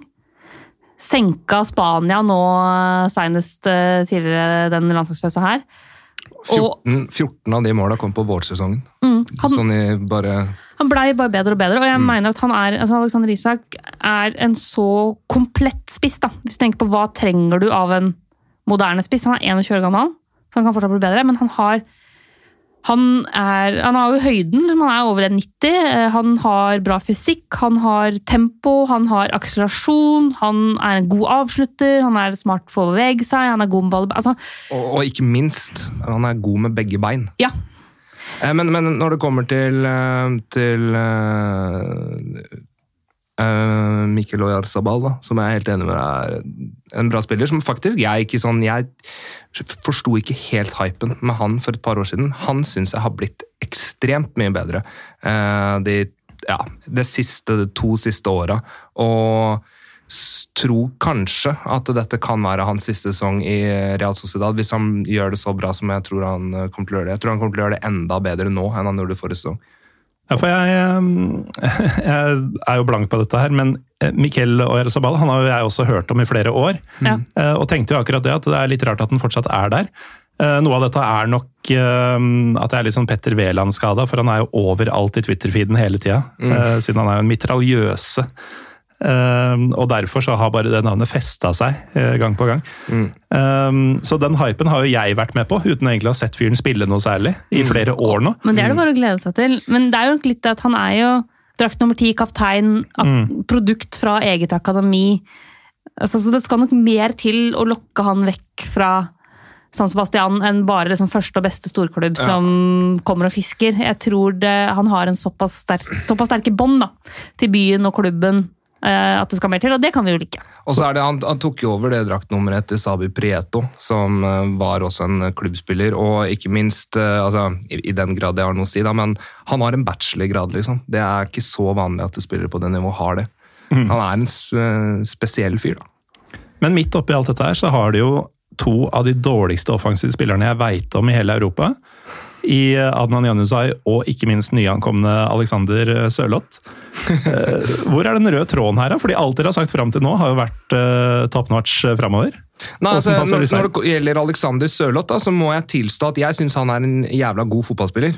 Først og fremst, må jeg bare si det. Eh, men jeg Jeg tror dessverre ikke at utsiktene for spilletid er så veldig store i eh, Real Sociedad. Og jeg tror at han er da Alexander Rød- Sørloth, da, som de aller fleste spisser, men kanskje særlig Alexander Sørloth, i hvert fall viser historien oss det, at han er absolutt best når han får spille hver eneste kamp, sånn at han kan få på plass den skåringsformen. ikke sant? Eh, og i Real Sociedad ser jeg for meg at det blir veldig mye innhopp. Jeg så eh, det innhoppet han fikk nå i debuten sin, og han, han sklei jo i avslutningen. Altså, jeg, Ikke at det er nødvendigvis definerer hvordan han kommer til å gjøre det, men jeg ser for meg da, at det blir Ja. veldig vanskelig for han å få på plass den selvtilliten når han skal komme inn for Alexander Isak annenhver kamp. Ja, og det er litt sånn, Vi nevnte jo Janis Haji tidligere. Han har jo blitt beskrevet fra mm, rumensk hold som en fyr som trenger å føle seg eh, holdt på å si, eh, satt pris på, satsa på, eh, Som det er så med mange. Som På, det er med på den mange. annen side så tror jeg altså, Jeg tror jo ikke Sørloth hadde gått til Real Sociedad eh, hvis han ikke hadde et realistisk håp om å få en del spilletid. Nei, men Fordi det, han går på lån for å få, for å, å få kontinuitet i spillet sitt. Mm. Eh, samtidig som jeg ser ikke for meg at Real Sociedad skal legge om til å spille med to spisser. For det har de aldri gjort. Eh, og det, det gjør de ikke, liksom. Under Emmanuel Alguacil så har de aldri gjort det. Og en, en annen ting, da Men, ja, ja. Men det kan hende Europaligaen blir en arena hvor han kan få ganske mye tillit. Mm. Fordi de skal jo ri to hester denne sesongen. her. Du skal fortsette å fighte helt i toppen av La Liga. Jeg regner topp sju oppover som toppen av La Liga. Ja, det kan være enig. Eh, Samtidig som du skal eh, gjøre det bra i Europaligaen, kan det være muligheten hans. Eh, han har vært brukt litt på kant på landslaget innimellom. En slags vingposisjon. Men der har du liksom Oyarzabal, og så har du et av mine favorittalenter i Spania, nemlig Ander Baranechea. Som er 19 år og som også skal nok få en del spilletid. Der har du tungetvisteren din i det baskiske laget for øvrig. Der er det mye doble konsonanter og x-er. jeg leste ganske lenge gjennom lista over spillere her, før jeg skjønte hvem du mente. Ja, nei, men, men jeg syns Ander Baranechea ser veldig spennende ut. eh, Og er en veldig kul spiller, som jeg tipper også kan få litt eh, sjanser i Europaligaen. da. Mm. Men sorry, Tobias, jeg avbrøt. Ja, nei, bare, bare det at eh, det er jo et uh, greit poeng, det. Men det er seks kamper i gruppespillet. Det er ikke så mange kamper. Det er det ene. Og det andre er at det er nettopp det du sier, med at de har Barenchea, de har uh, Adnan Janusai, Mikkel uh, Oyarzabal, Porto Porto. Altså, det er mange spillere, så det å bare flytte ned på kant Det er ikke gjort i en håndvending, det heller, for det er masse spillere der som kommer til å brukes. Eh, men eh, selvfølgelig. eh, jeg håper Alexander Sørloth eh, eh, Jeg håper jeg tar feil.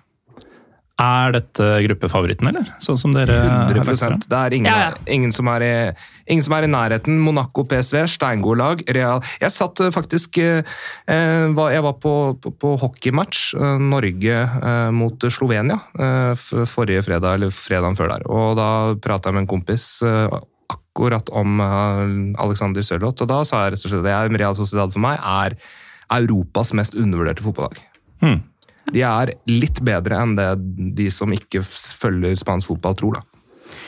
Og hadde de hatt et litt mer stabilt forsvar, så hadde de vært et veldig, Ja, altså- veldig godt lag. Ja, altså jeg mener jo, Det er det som har vært problemet med, med Immanuel Guasil, eh, eller ikke med han, da, men med hans lag, er jo at de, de er stabile, men de er stabilt gode og stabilt dårlige. Altså de, er, de, har for lange perioder med dårlige resultater. Så får de ordna det, så blir det bra. Men så har det jo vært eh, sånn at vi har jo, som jeg nevnte tidligere, vi har jo prøvd å snakke litt opp eh, ja, disse Mitropa-ligaene, som eh, den tsjekkiske, men også den østerrikske. Ja, ja, ja. Eh, og det hadde jeg jo egentlig tenkt å gjøre her også, men jeg merker jo at å prøve å levne Stormgrads noen sjanse i det selskapet her, det er vel bare å glemme, til tross for eh, nevø Jeboa. Ja, det er jo rett og slett Kelvin Jeboa på 21 som er nevøen til Anthony Jeboa. Som har, er da mannen bak det målet som får Svein Matta Mathisen til å utbryte 'ta dette målet og heng det opp på veggen'. Som jo er et av de mer sånn ikoniske kommentatorøyeblikkene fra Norge. Og det er et veldig godt sagt, syns jeg. Ja. Fantastisk scoring. For folk som ikke har sett den ennå, så er det bare rett inn på YouTube og google. Ja, bare søk på Jeboa på YouTube og så se på alle videoene som kommer. Fordi det er ikke det eneste sånn målet han scora. Nei, nei han, han drev jo gjorde det. Jeg husker vi drev og skulle kåre sånn, tidenes beste mål. Det var under, under korona, første Mm. nedstenginga der, så måtte, var det jo ikke noe fotball. Så TV 2 måtte jo kåre alt Ja. vi kunne finne på for å, ha, for å liksom prøve å tilby folk noe fotball på TV. da. Så er det bare Premier League-måla, så er jo han sikkert sånn Ja. fem av 100 kandidater. Men da denne nevø Kelvin Chepoa er jo født i, i Ghana. Eh, spilte sin ungdomsfotball bl.a. i Westham. Men debuterte nettopp for det italienske U21-landslaget. Nå i september, liksom. Så det var sånn for et par dager siden. Men er ikke, nå har vi ikke hørt så mye om han i det siste, men eh, Timothy Wea eh, Husker ikke hvilket landslag, men det er ikke Liberia. Som, Eh, USA. Ja, ikke sant? Mm. Uh, Så det er jo tydeligvis dette med å ønske noe bedre for sine barn og sånn, det, det kommer fram. Men eh, altså, det er jo et rimelig ukjent eh, mannskap for oss, eh, med mindre jeg undervurderer dere veldig her. Du gjør ikke det. Jeg har i hvert fall aldri hørt om Andreas Kuen eller Lukas Jæger før. Det er gamleklubben til Paul Lydersen, da. Det- Det må vi ikke glemme. Det, det, kan, det jeg kan si om Storm Graz, for jeg har jo et forhold til dem som eh, 90-tallsbarn. altså, De var jo eh, i Champions League Ja. tre ganger rundt 2000, eh, altså år, årtusenskiftet.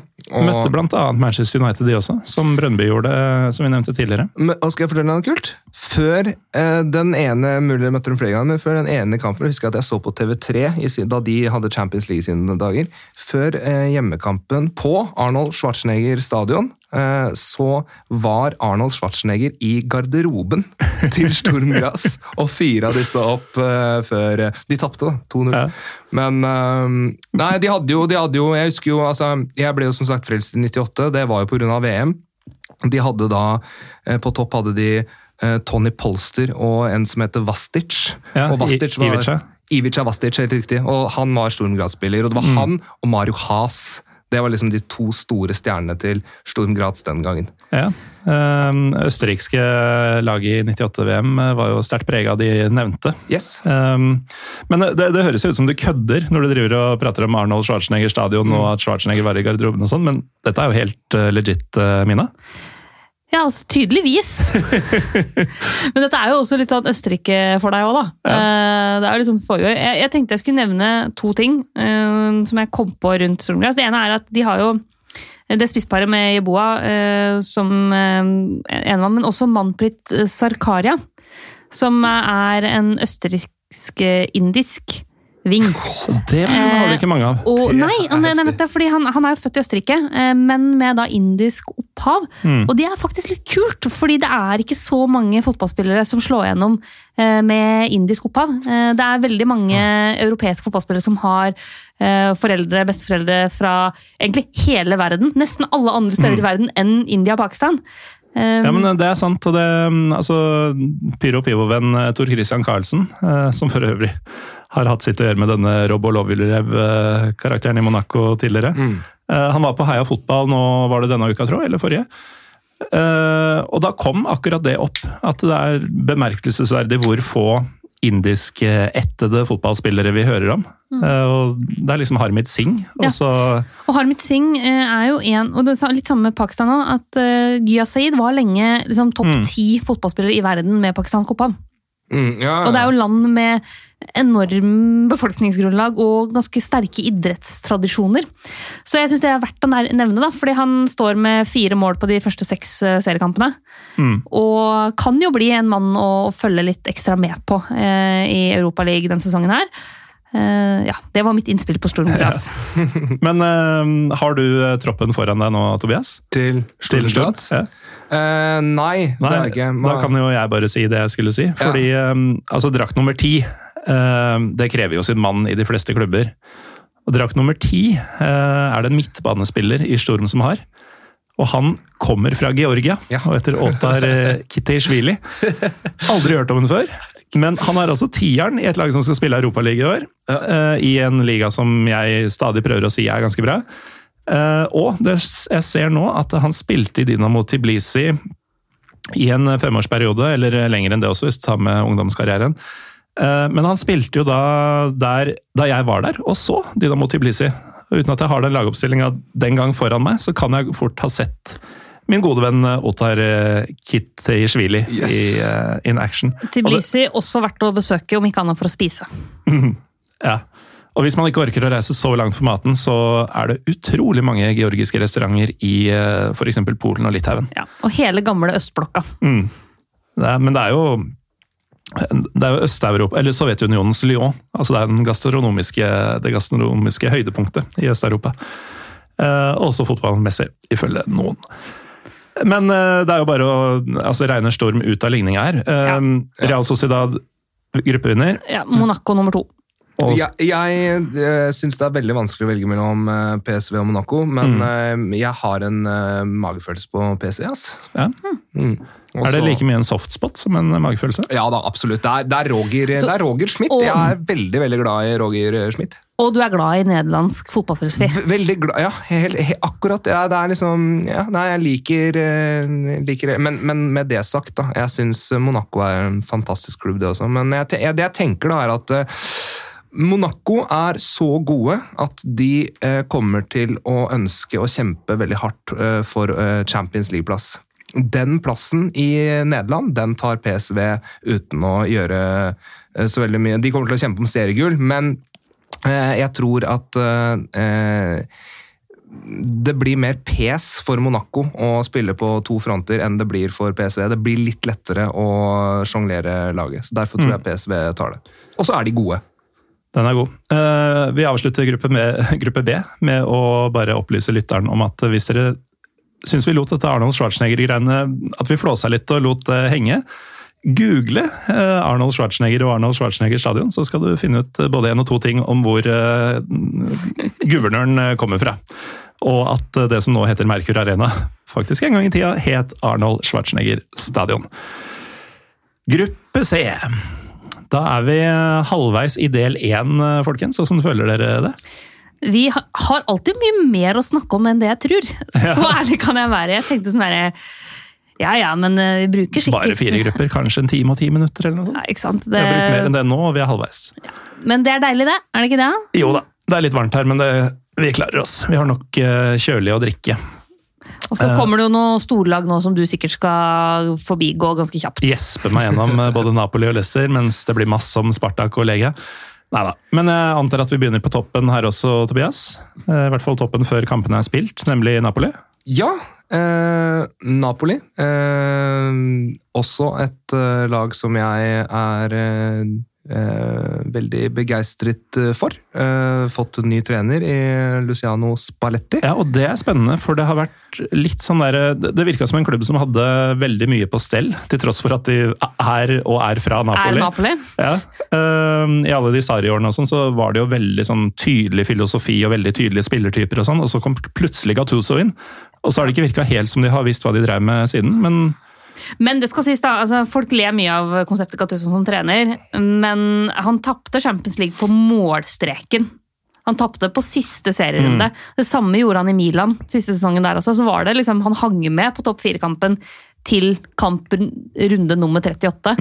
Og det er ikke verst for en fyr som de fleste tror eh, kun er en klovn. Altså, jeg, jeg, jeg tror jeg har ikke noe å utsette på Gattuso i det hele tatt. Ja. Det som jeg reagerer på, er at eh, Aurelio de Laurentiis altså, eh, ei- eier, eller president, jeg tror han er eier av Napoli. eh, at eh, Eller det jeg reagerer på generelt, da, er jo egentlig bare at eh, en fotballklubb bør ha en eh, tydelig filosofi. Så når da eh, Maurizio Sarri, og så kan man godt si altså, De Laurentis er eh, trigger-happy han eh, på, på trenere, men eh, grunnen til at Sari ikke at, de hadde kontinuitet og at de fremsto veldig sånn veldrevet, er mm. fordi at de gjorde det jævla bra. ikke sant?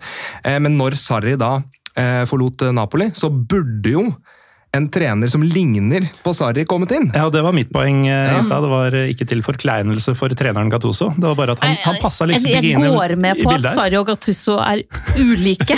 det gjør jeg. Nei, men, men dette Napoli-laget her er eh, som alltid kult og spennende. Eh, De har jo endra navn på sin hjemmebane, som nå heter Stadio Diego Armando Maradona. Ja, Som seg hør og bør, får vi kunne si. ja, jeg, jeg det tenker at jeg, jeg kan gå med på det. Ja, fordi Det- Vanligvis så syns jeg det er en uting at stadioner bytter navn, men akkurat Napoli Mm. og akkurat Maradona Og det må jeg bare si, fordi eh, Napoli for øvrig også en by jeg anbefaler å dra til. Jeg har vært i mange fotballbyer. Eh, jeg har aldri opplevd en sånn helgendyrkelse som den jeg så i Napoli rundt Maradona. 20 år etter at han var ferdig som spiller. Altså, jeg var i Napoli i 2013. Det er ikke 20 år siden han var ferdig. Nå, ja, men, jo, nesten. Det er ikke så halvgærent, faktisk. Men, men en, en by som er fotballgæren som det hold, så det holder, men det er mange europeiske byer. Men den nesegruse dyrkelsen av en fotballspiller har jeg aldri sett maken til.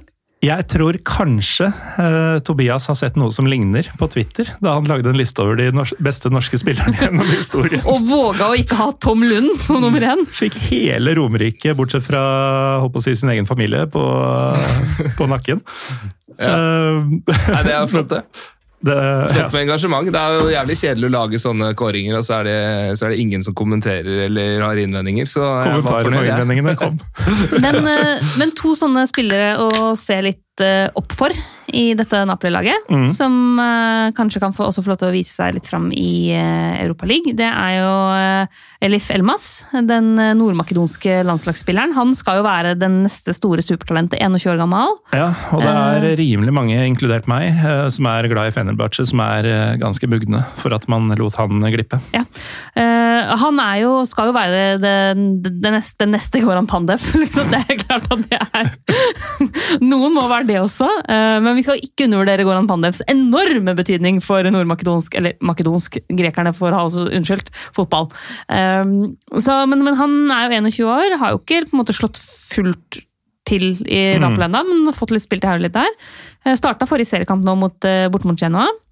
Så han eh, kan bli spennende å følge i en turnering som Europa League. Um, og så har du jo altså, eh, Victor eh, Osimhen, som eh, hadde sin første sesong i Italia forrige sesong. Han skal nok spille mye generelt òg, altså.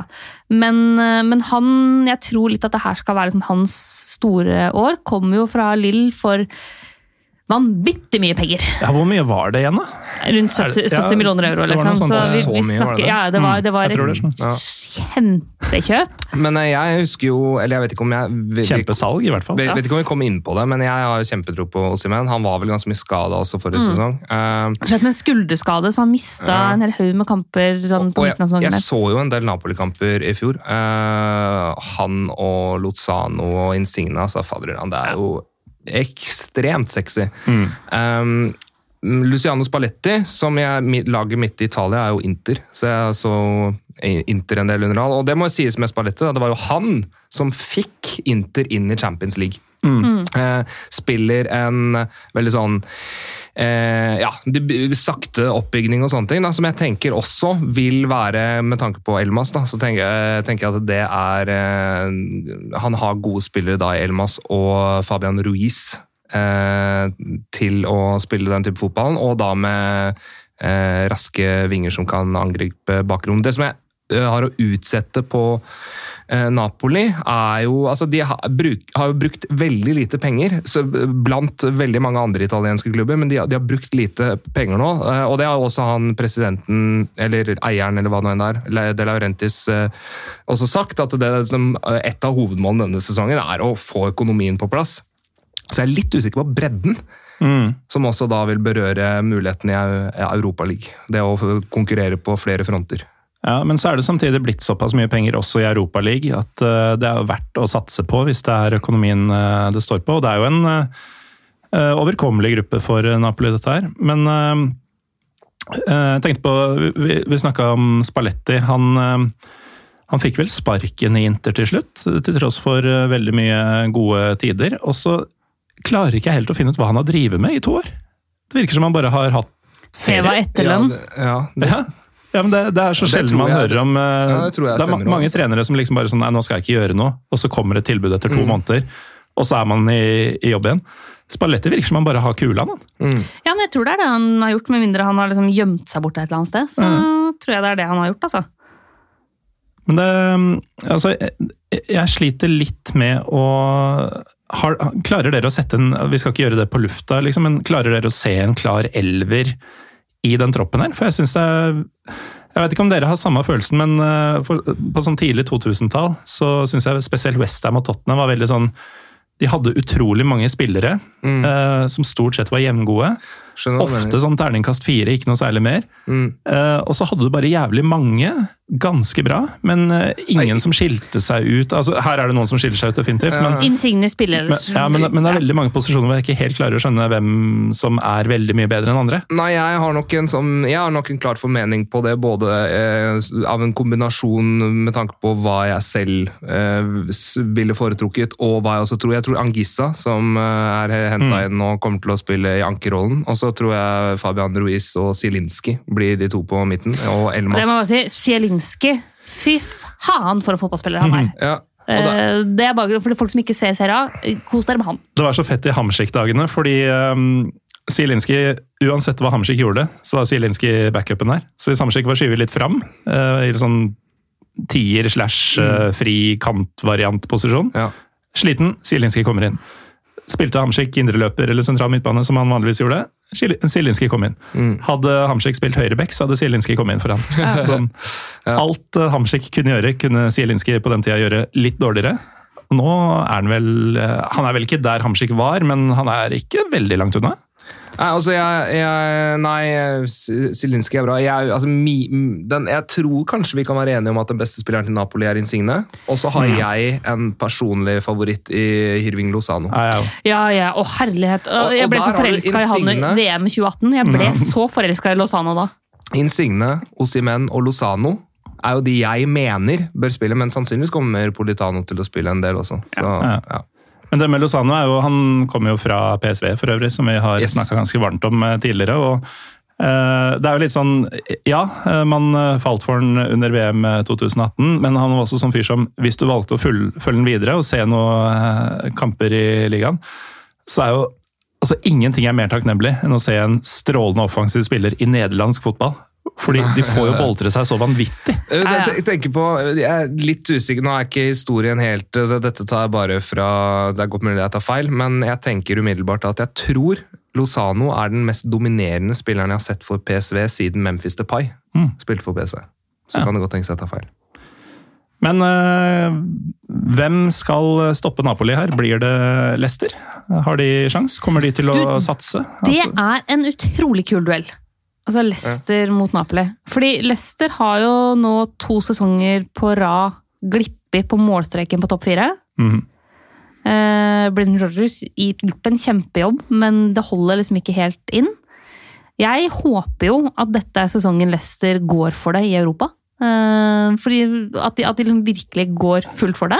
Altså Etter at de faktisk vant ligaen, så blir jo dette bokstavelig talt the final frontier. Ja. Altså Det er det siste de har igjen å, å Og, ta sånn, over. at de røyk mot Slavia Praha i 16-dels forrige sesong. liksom. Eh, Leicester er bedre enn at de skal ryke, ryke mot Slavia Praha. Eh, De har et veldig godt kullag. De har henta Patson Daka fra RB Salzburg. Uh, altså 22 år gammel samisk uh, spiss. De, han skåra altså han skåra i nesten hver kamp forrige sesong.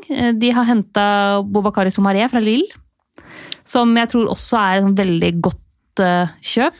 Og styrker egentlig inntrykket at Leicester driver fotballklubb på en veldig lur måte. Altså Bare for å ta Soma- Somaré, da. Vi har vært innom Kakere. Eh, vi har vært innom eh, han eh, Aurilen Chouameni. Chouameni, han i Monaco. Altså Og du har liksom Sleng på Kavmavinga der også. Der har du liksom eh, veldig mange av de eh, franske unge i samme posisjon, også gjerne med afrikansk eh, bakgrunn. Ja, og Leicester har treffet ganske bra på noen lignende signeringer tidligere. Yes. Altså, Så den, den, den, den midtbane, den, den, den sentrale midtbanen der er jo, det er den beste lagdelen i, i Leicester, med Ndidi Tilemans og, og Somaré. jeg er så glad for at Tilemans har slått til. jeg. Fy flate, Jeg var så redd for at han skulle- han, eh, Mm. han har vært. Han altså. er, kommer til å uh, forlate Leicester etter hvert også, det er jeg 100 sikker på. Han, eh, han var så nydelig i Anderlecht, og så så det ikke helt ut til å funke i Monaco. Nei. Og da var det litt sånn som vi snakka om med flere spillere tidligere, Mina, at eh, eh, ja, han er ung, men han tok ikke steget. Og så er han liksom 20 år og sånn. Og så har han da altså, League er for han meg unnskyldt, men Premier League er noen knapp, eh, noen knepp opp, altså. Og Er der er har han virkelig virkelig tatt av. Og eh, apropos det, eh, så vil jeg jo si at eh, bare for å ta det litt ut av Europa League eh, bare en eh, kort stund, men for meg så er det seks klubber som er totalt enestående. Det er de klubbene som har mulighet til å vinne Champions League i år, og det er Bayern, PSG og de fire engelske. Det bringer meg inn på Leicester. For jeg tror nemlig at litt av grunnen til at Leicester eh, ikke satsa ordentlig i Europa League eh, forrige sesong, var at de hadde en reell mulighet til å klare topp fire, og kanskje enda bedre også, i eh, Premier League. Jeg tror denne sesongen eh, så tror jeg de fire, kom, altså Manchester United, Manchester City, Liverpool og Chelsea, kommer til å rykke såpass ifra at mm. Leicester går all in for Euro- Europa League. Og mitt, min magefølelse nå er at Leicester vinner Europa League denne sesongen. Wow. Ha, det er spennende. Ja, den er frekk. Men jeg, jeg tror du har helt rett i, eh, i det første her, at det var grunnen til at de ikke satsa ordentlig i fjor. Mm. Og jeg må jo innrømme at det, sånt gjør meg så trist, fordi topp fire er liksom ingenting. Hadde du i det minste sagt medalje, Mm. men sånn har fotballen også blitt. Altså, det, det er bedre å bli nummer fire i Premier League enn å vinne penger, en europeisk turnering. Med mindre du heter Sevilla eller Villarreal, Ja. og du legger din stolthet i å vinne det trofeet. Kanskje jeg rett og slett skal bli mer eh, glad i spansk fotball? Når du, Det- Jo, for de spanske klubbene som har vært i, Europa, Ja. de tar det ordentlig, altså. Det er, eh, ja. Og det er, men men med, det, med det sagt, da, så må jeg bare si det at eh, altså, Manchester United eh, taper ikke uh, Europaliga-finalen mot Villarreal fordi at de ikke tar det på alvor. De taper fordi Villarreal er best. Ikke sant? Så bare så det er sagt at eh, Sevilla, Sevilla har vært best. Sevilla så- var også best da yes. de slo ut uh, United. Så det. Men, eh, nei, men Leicester og Napoli, det er en kul fight eh, for gruppeseier. Ja, og det blir fighten for gruppeseier, Ja. fordi Legia Warszawa og Spartak Moskva For øvrig, um, vet dere hva de har til felles? Eller de har sikkert mye til felles, men uh, jeg tror spesielt du, Tobias, kanskje har en uh, idé her. Spartak Moskva og Legia Warszawa. Ja, Eh, de har vært i gruppe sammen før, nemlig, i en ja, annen turnering. ja. Eh, jeg kj- kj- kjenner til eh, det. Kjente Ja. til det, holdt jeg på å si. Ja. Nei, det var jo ja. første, året, første året Rosenborg var i Champions League. Mm. Uh, så var det der med Blackburn, og det er jo kanskje det folk husker. Det var, Blackburn var vel det første laget Rosenborg slo i Champions League også, med en Ståle Stensås-skåring på overtid, eller hvordan dette var. Uh, men de beste lagene i den gruppa var faktisk Legia og Spartak, som tok de to første plassene. For en tid. Det var uh, Ja, da, da var ting annerledes, og Spartak vant Er vi vel på, er vi på Spartak nå, forresten? Vi kan Ja, ta ja, vi er- vi er på Spartak. Ja, vi er på Spartak. For at det som, er- apropos den tida der, da. Det er sånn herre eh, er, jeg kan jo sitte og øh, søke på Nils Arne eller øh, her, her om dagen så jeg sånn her øh, sammenslåing av Rosenborg mot Dortmund. Altså, jeg, jeg, jeg syns Champions League-tida til Rosenborg er fantastisk fascinerende, men så leste jeg sånne intervjuer nå nylig, som er, de har sikkert gjort for lenge siden, men der ble liksom de store Rosenborg-spillerne fra den tida, Roar Strand, Bent Skammelsrud, videre. De ble spurt om eh, hvilke spillere som er de beste spillerne de har møtt. da. Eh, nest alle tror jeg hadde Sindin Zidane. Eh, veldig mange hadde Alessandro Del Piero. Eh, veldig mange hadde Thierry Henry. Og veldig mange hadde Ilya Zimbalar for Spartak Moskva. Og vet du hva, vet du hva Roar Strand sa? Nei. Jeg, jeg, jeg måtte prøve å lese. Det her må være kødd, men det var liksom, det var punktum. Det, det, det her virker helt legit. Han spilte med borrelås! Dessverre døde han for noen år siden. da. Men, eh, men eh, Jeg likte men, den første delen bedre. Men eh, litt, Jeg drepte litt uh, Ja, En annen spiller som blir snakka ganske mye om faktisk i den ja. Tor Christian Carlsen-episoden av Heia fotball, som jeg nevnte tidligere. Det er Ilya. Zimbalara. Ja, Ja, ja, ja. ikke bare dukker han opp, men han dukker opp igjen seinere i episoden. Mm. Um, Jeg husker den jo sjøl. Altså, jeg, eh, jeg husker ikke de kampene, for da var jeg for ung. Men jeg husker jo at uh, Zimbalar var en stjerna til Spartak Moskva på slutten av 90-tallet. mm. Og det året hvor de og Legia spilte mot Rosenborg og Blackburn, så um, hvis jeg ikke husker helt feil, så vant Spartak fire eller fem av de seks gruppespillsmatchene. De var helt utilnærmelige. Eh, Det var annet Simolar, og så var det Sergej Joran på topp. Som, eh, og da sluttspillet kom, eh, etter jul en gang, så hadde jo Europa lagt merke til disse spillerne. Men det var en litt annen tid, som vi har vært inne på. så Sergej Joran han havna på lån i Millwall, hvis jeg ikke husker helt feil. Som da var i ja, det som nå er championship, som de sikkert fortsatt er, for den saks skyld. Men eh, det var liksom sånn Han hadde bare dominert i Champions League på høsten. Ja, Gå på lån til Millwall. Det høres ut som noe som kunne skjedd nå, med tanke på pengene som er i England. Faktisk. uh, Men det skjedde da. Og da var det ikke med tanke på pengene i England, Nei. men pga. den manglende statusen uh, i russisk fotball. Da. Eh, Som også har endra seg veldig. fordi altså, Hvor mange russere har vi ikke hørt om som bare sånn Han kommer til å gå dit, han kommer til å gå dit. Og så blir det bare værende. Ja, og, og dette har jo vært en stor diskusjon rundt det russiske herrelandslaget. Blant annet eh, det med at såpass få russiske spillere har dratt ut. Mm. fordi du har jo hatt sånne utenlandskvoter og ganske mange sånne type ting, men, men det har vært en sånn ganske svær runde på det. eh, at det er en ulempe at russiske spillere i så liten grad beveger seg utenfor den russiske, russiske ligaen. I så liten grad. Oh yes. Eh, men så må vi jo nevne altså Spartak eh, Moskva, eh, fra gammelt av fagforeningas eh, lag. Eh, det er alltid veldig gøy med Det er jo alltid liksom Første del av navnet på disse russiske klubbene forteller jo hvorvidt er det Hærens lag, er det jernbanens lag, er det militæret, er det politiet? Spartak er jo da fagforeningenes eh, lag. Det visste jeg faktisk ikke. Eh, jo, eh, altså Spartak var et eh, idrettslag. Var Sovjetunionens første måte, store eh, nasjonale idrettslag. Eh, jeg tror det også hang sammen med ungkommunistene. Mm. at det er der det liksom, Spartak-systemet kom fra. Da. Så fra gammelt av så er det det. Så det er fagforeninga. Ja, men det, det er gøy. Fordi um, Jeg har alltid lurt litt på Spartak. fordi For det første så er det ikke sånn du ser ikke Spartak i alle de landa hvor du ser dynamoer og, Og torpedoer og og- lokomotiv og, ja. sånn. Eh, så jeg har liksom ikke hatt en sånn klar formening om hvem eh, de var. Spartak Tnava, da. Ja, det er sant. Mm. Fra Slovakia. Mm. Mm. Uh, men, Men ja, de eh, hadde da støtte fra uh, jeg skal dobbeltsjekke nå, men de hadde støtte fra Kosmomol, som altså var da All Union Leninist Young Communist League. så dette var de unge leninistene. Men hadde ikke det Spartak-navnet også noe med Spartakus å gjøre? Ja, det er der det kommer fra. Ja, ja, ja. Mm.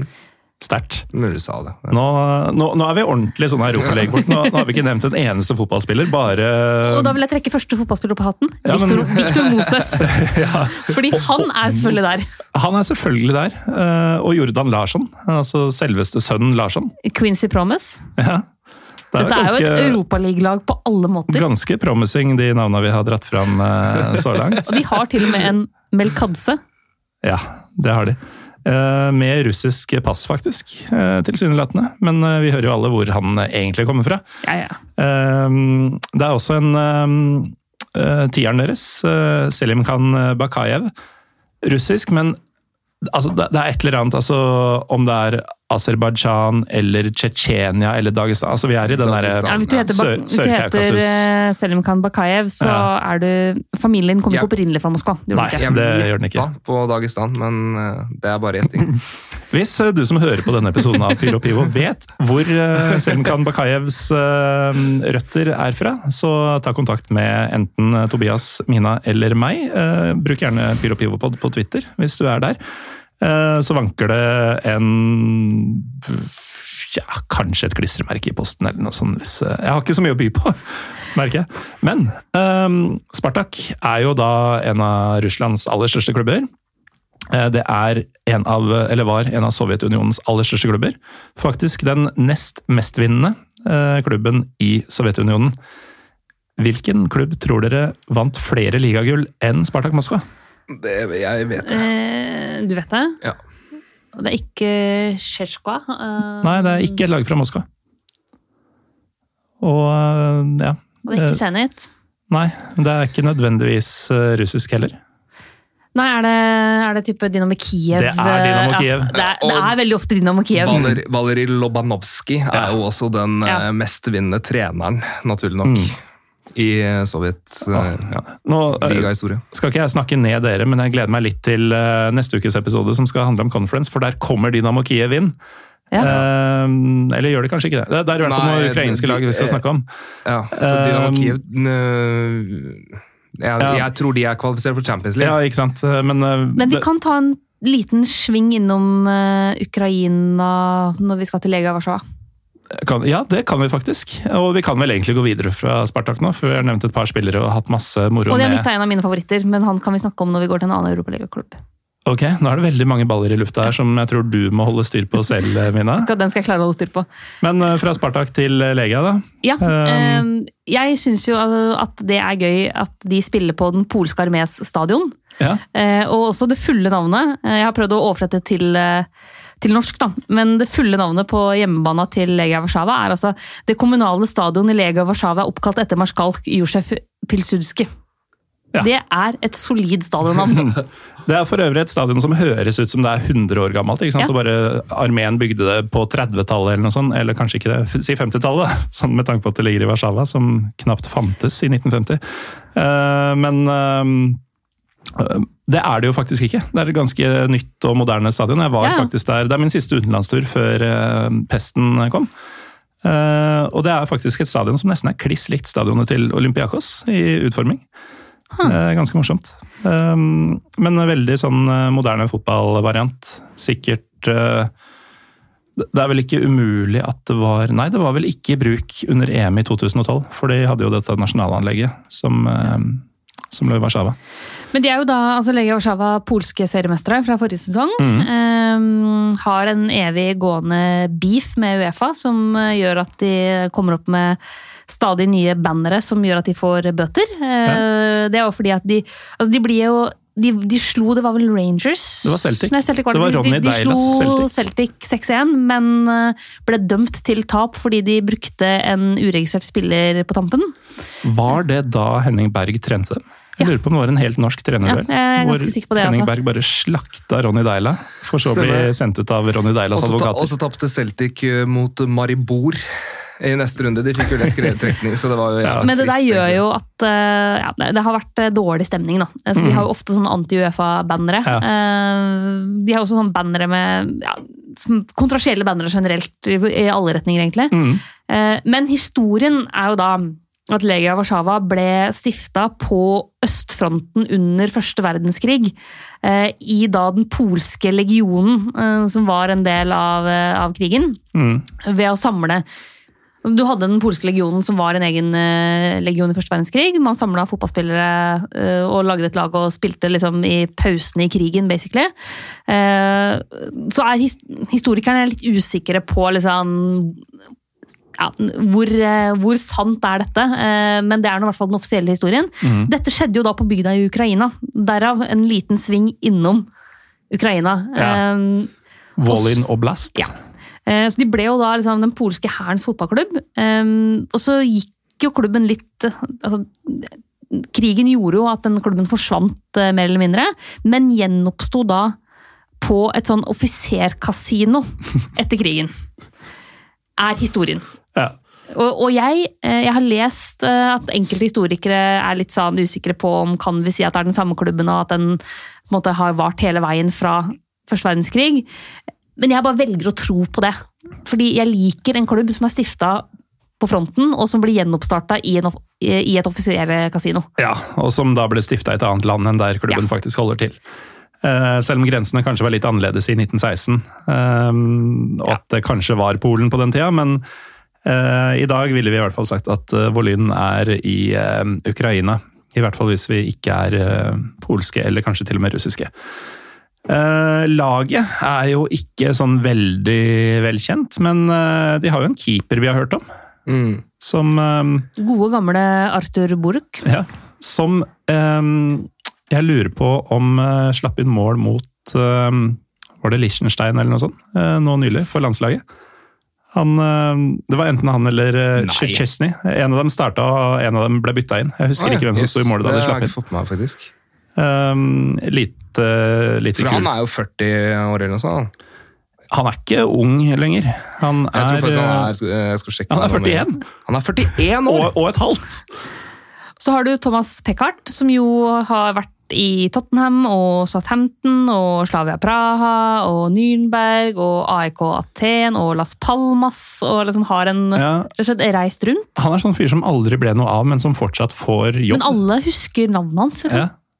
Og så er det eh, Serbia. Eh, har jo eh, Altså, det serbiske landslaget og serbisk fotball er liksom De er godt forspent i de aller fleste posisjoner, men de har en skikkelig lei svakhet på venstre bekk. Ja.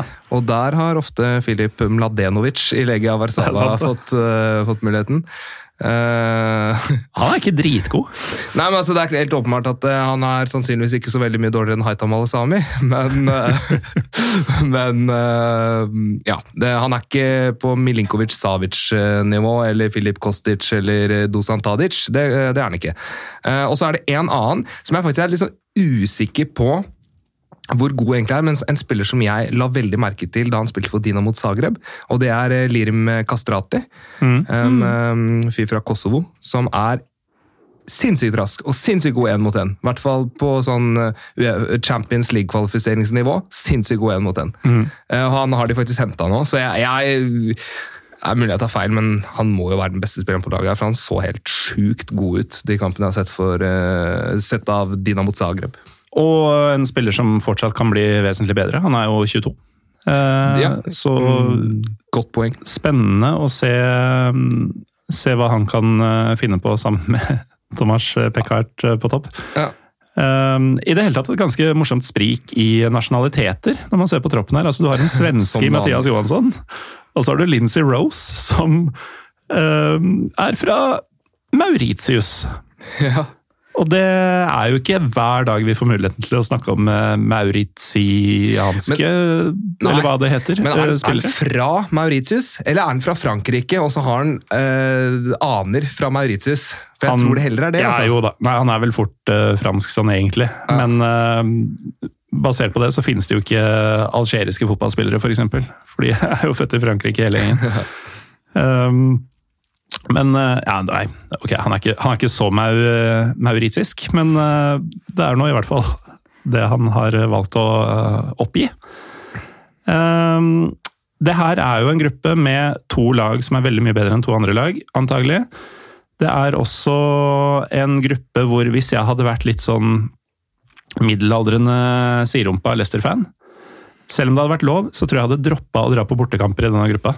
Og For- med Napoli, da. Er du britisk fotballfan på bortekamp i enten Polen, Napoli eller Moskva, Du får juling. ja, da skal du være god til å skjule din egen aksent når du ja.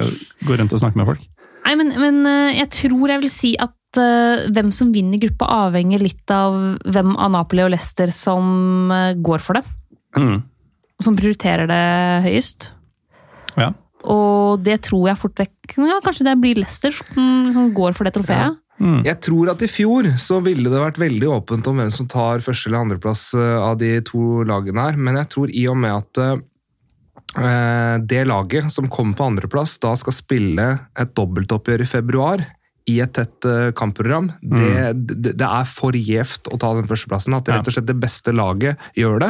Og det tror jeg blir, eh, det tror jeg blir Leicester, selv om jeg syns Napoli er eh, veldig gode. Men som jeg poengterte, jeg er litt usikker på bredden til Napoli. Leicester syns jeg ser generelt sterkere ut, både, både i elver og i bredde, så jeg tror Leicester Bedre rusta.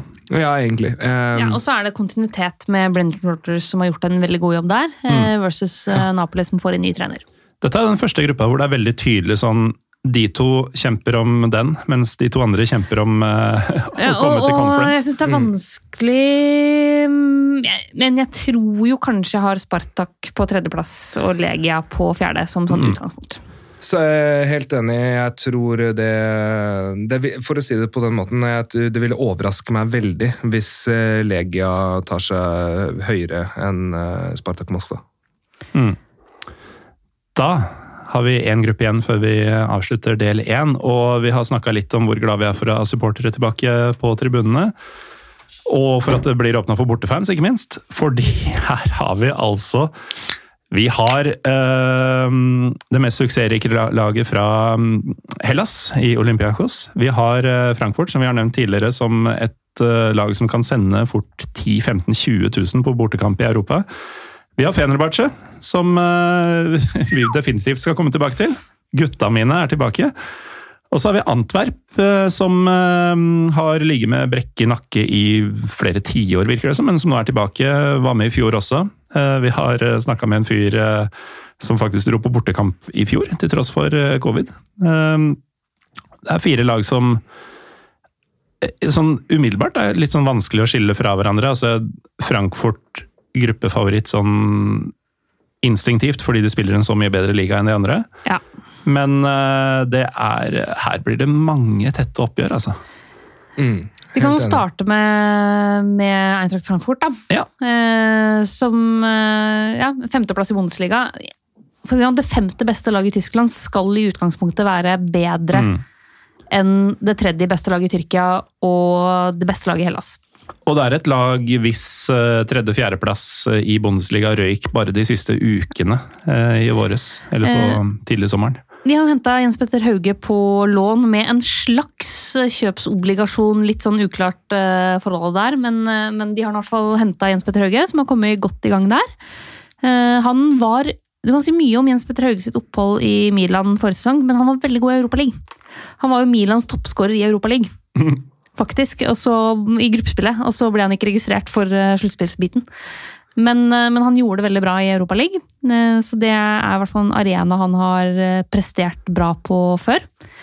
Um, fikk dere med dere hele Filip Kostic-dramaet på deadline day? Jeg veit ikke hva som er sant og ikke. Nei, altså Der er det jo mange ulike historier, men det som i hvert fall har skjedd, er jo at Lazio har jo prøvd å kjøpe Filip Kostic fra Eintracht Frankfurt. Mm. Eh, når de har sendt over sitt bud, så har de hatt en K for lite i e-postadressa.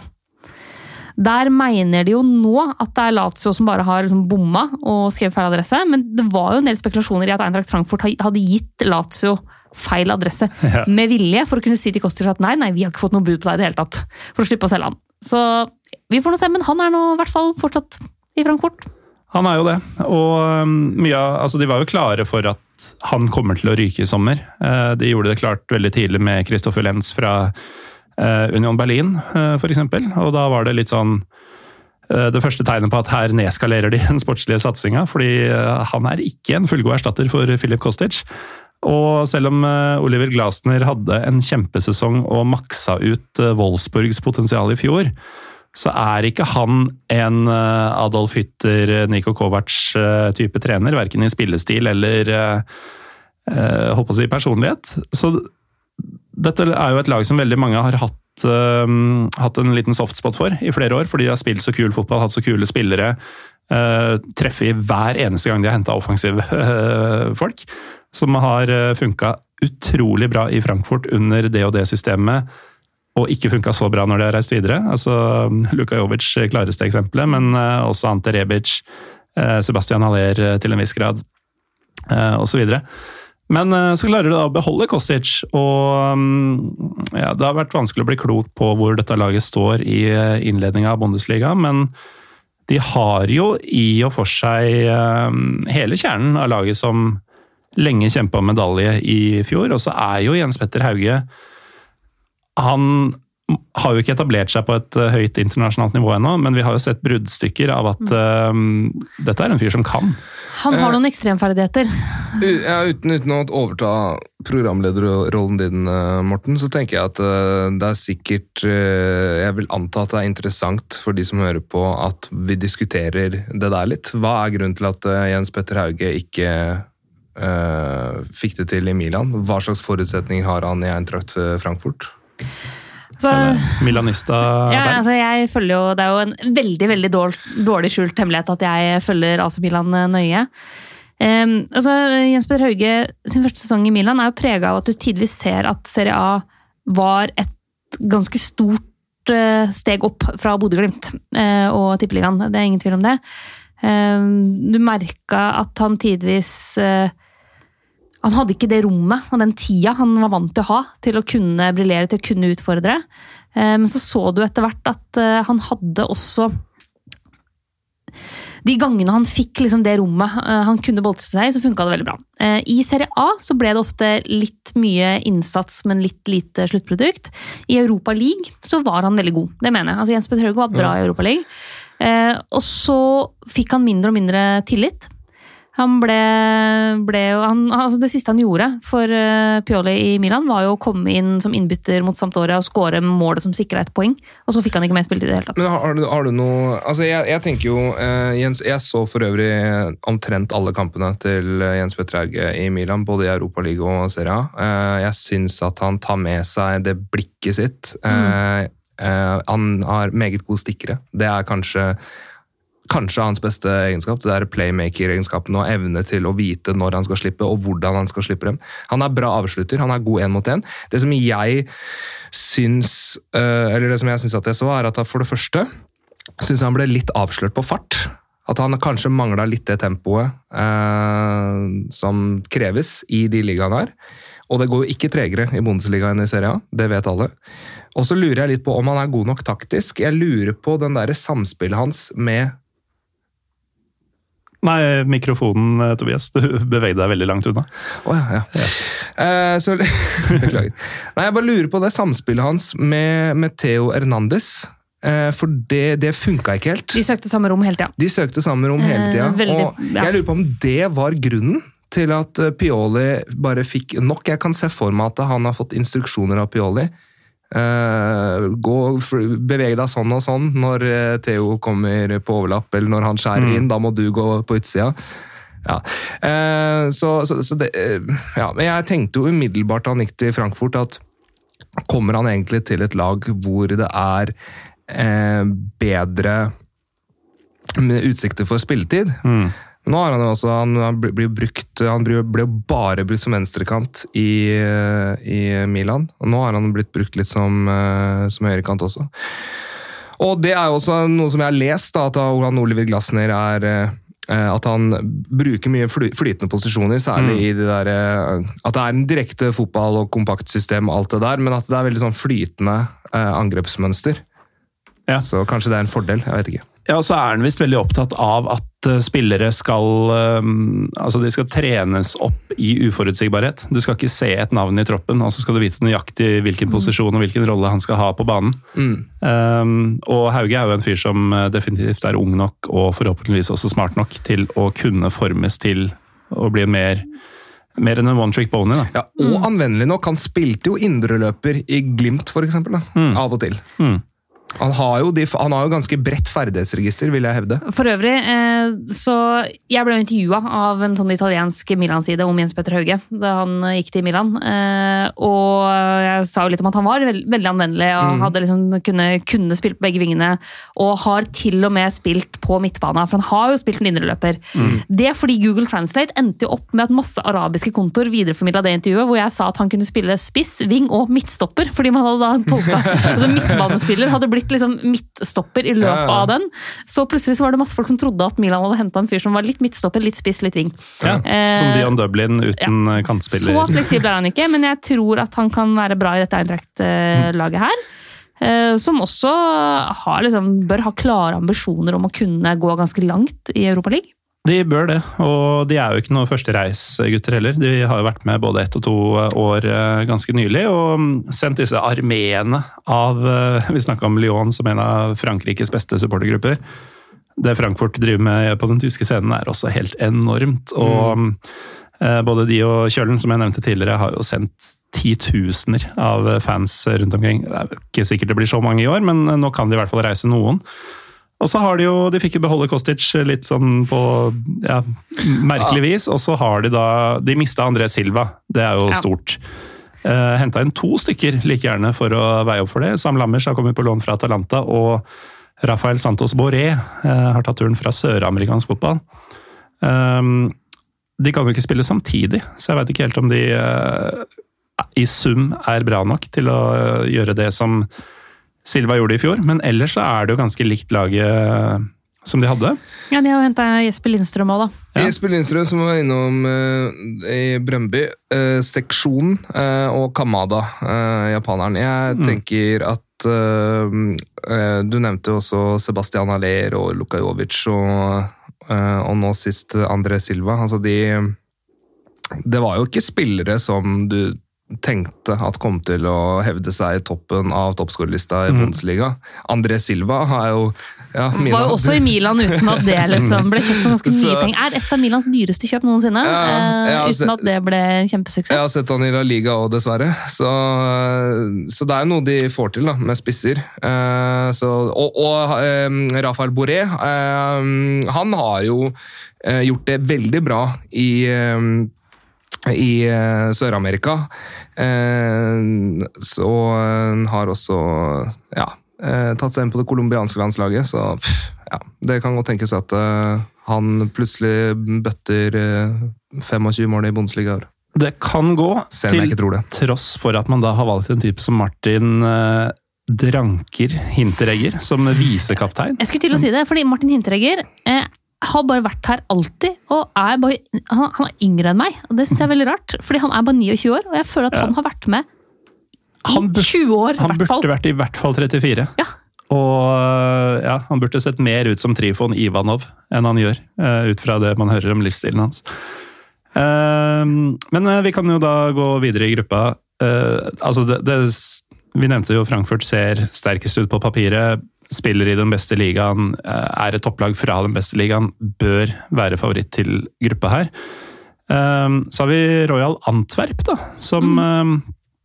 ja, som eh, nevnt eh, har hatt veldig mange år som farmerklubb for United og ligger på nest øverste nivå og sånn, eh, men virkelig kommet seg opp de siste årene. Blitt et ganske stabilt topplag i belgisk serie, som altså, apropos alle disse seriene vi sier er bedre enn man tror, er en serie som er bedre enn man tror. Eh, litt sånn der eh, jalla holdt på å si, eh, nivå på personlighetene som står bak pengene som har gjort denne satsinga mulig, men fansen er fornøyd. Eh, og jeg nevnte så vidt at eh, denne Hans Bressink, en holdt på å si venn av meg som jeg møtte én gang, han var med i to Parla Inglese-episoder i fjor, som da er disse episodene vi iblant gjør på engelsk. Da var det én gang hvor han snakka om belgisk fotball generelt, og da selvfølgelig sin egen klubb, eh, Antwerp. Og en om da han rett og slett dro til Rasgrad i Bulgaria for å se eh, covid-bortekamp i Europaligaen mot eh, Ludo Goretz. Um, I fjor var for øvrig første gang noensinne de har vært med i Europaligaen, og siden den gang så har de henta Raja Nangolan. Og det er faktisk altså, Nangolan er jo en historie for seg. Altså, Er han også 29? Det skulle nesten ikke eh, forundre meg. nei, han er faktisk 33. Han er Ja, faktisk han er eldre, eldre enn meg. Mm. men han Det har jo vært veldig mye drama rundt eh, Radia Nangolan.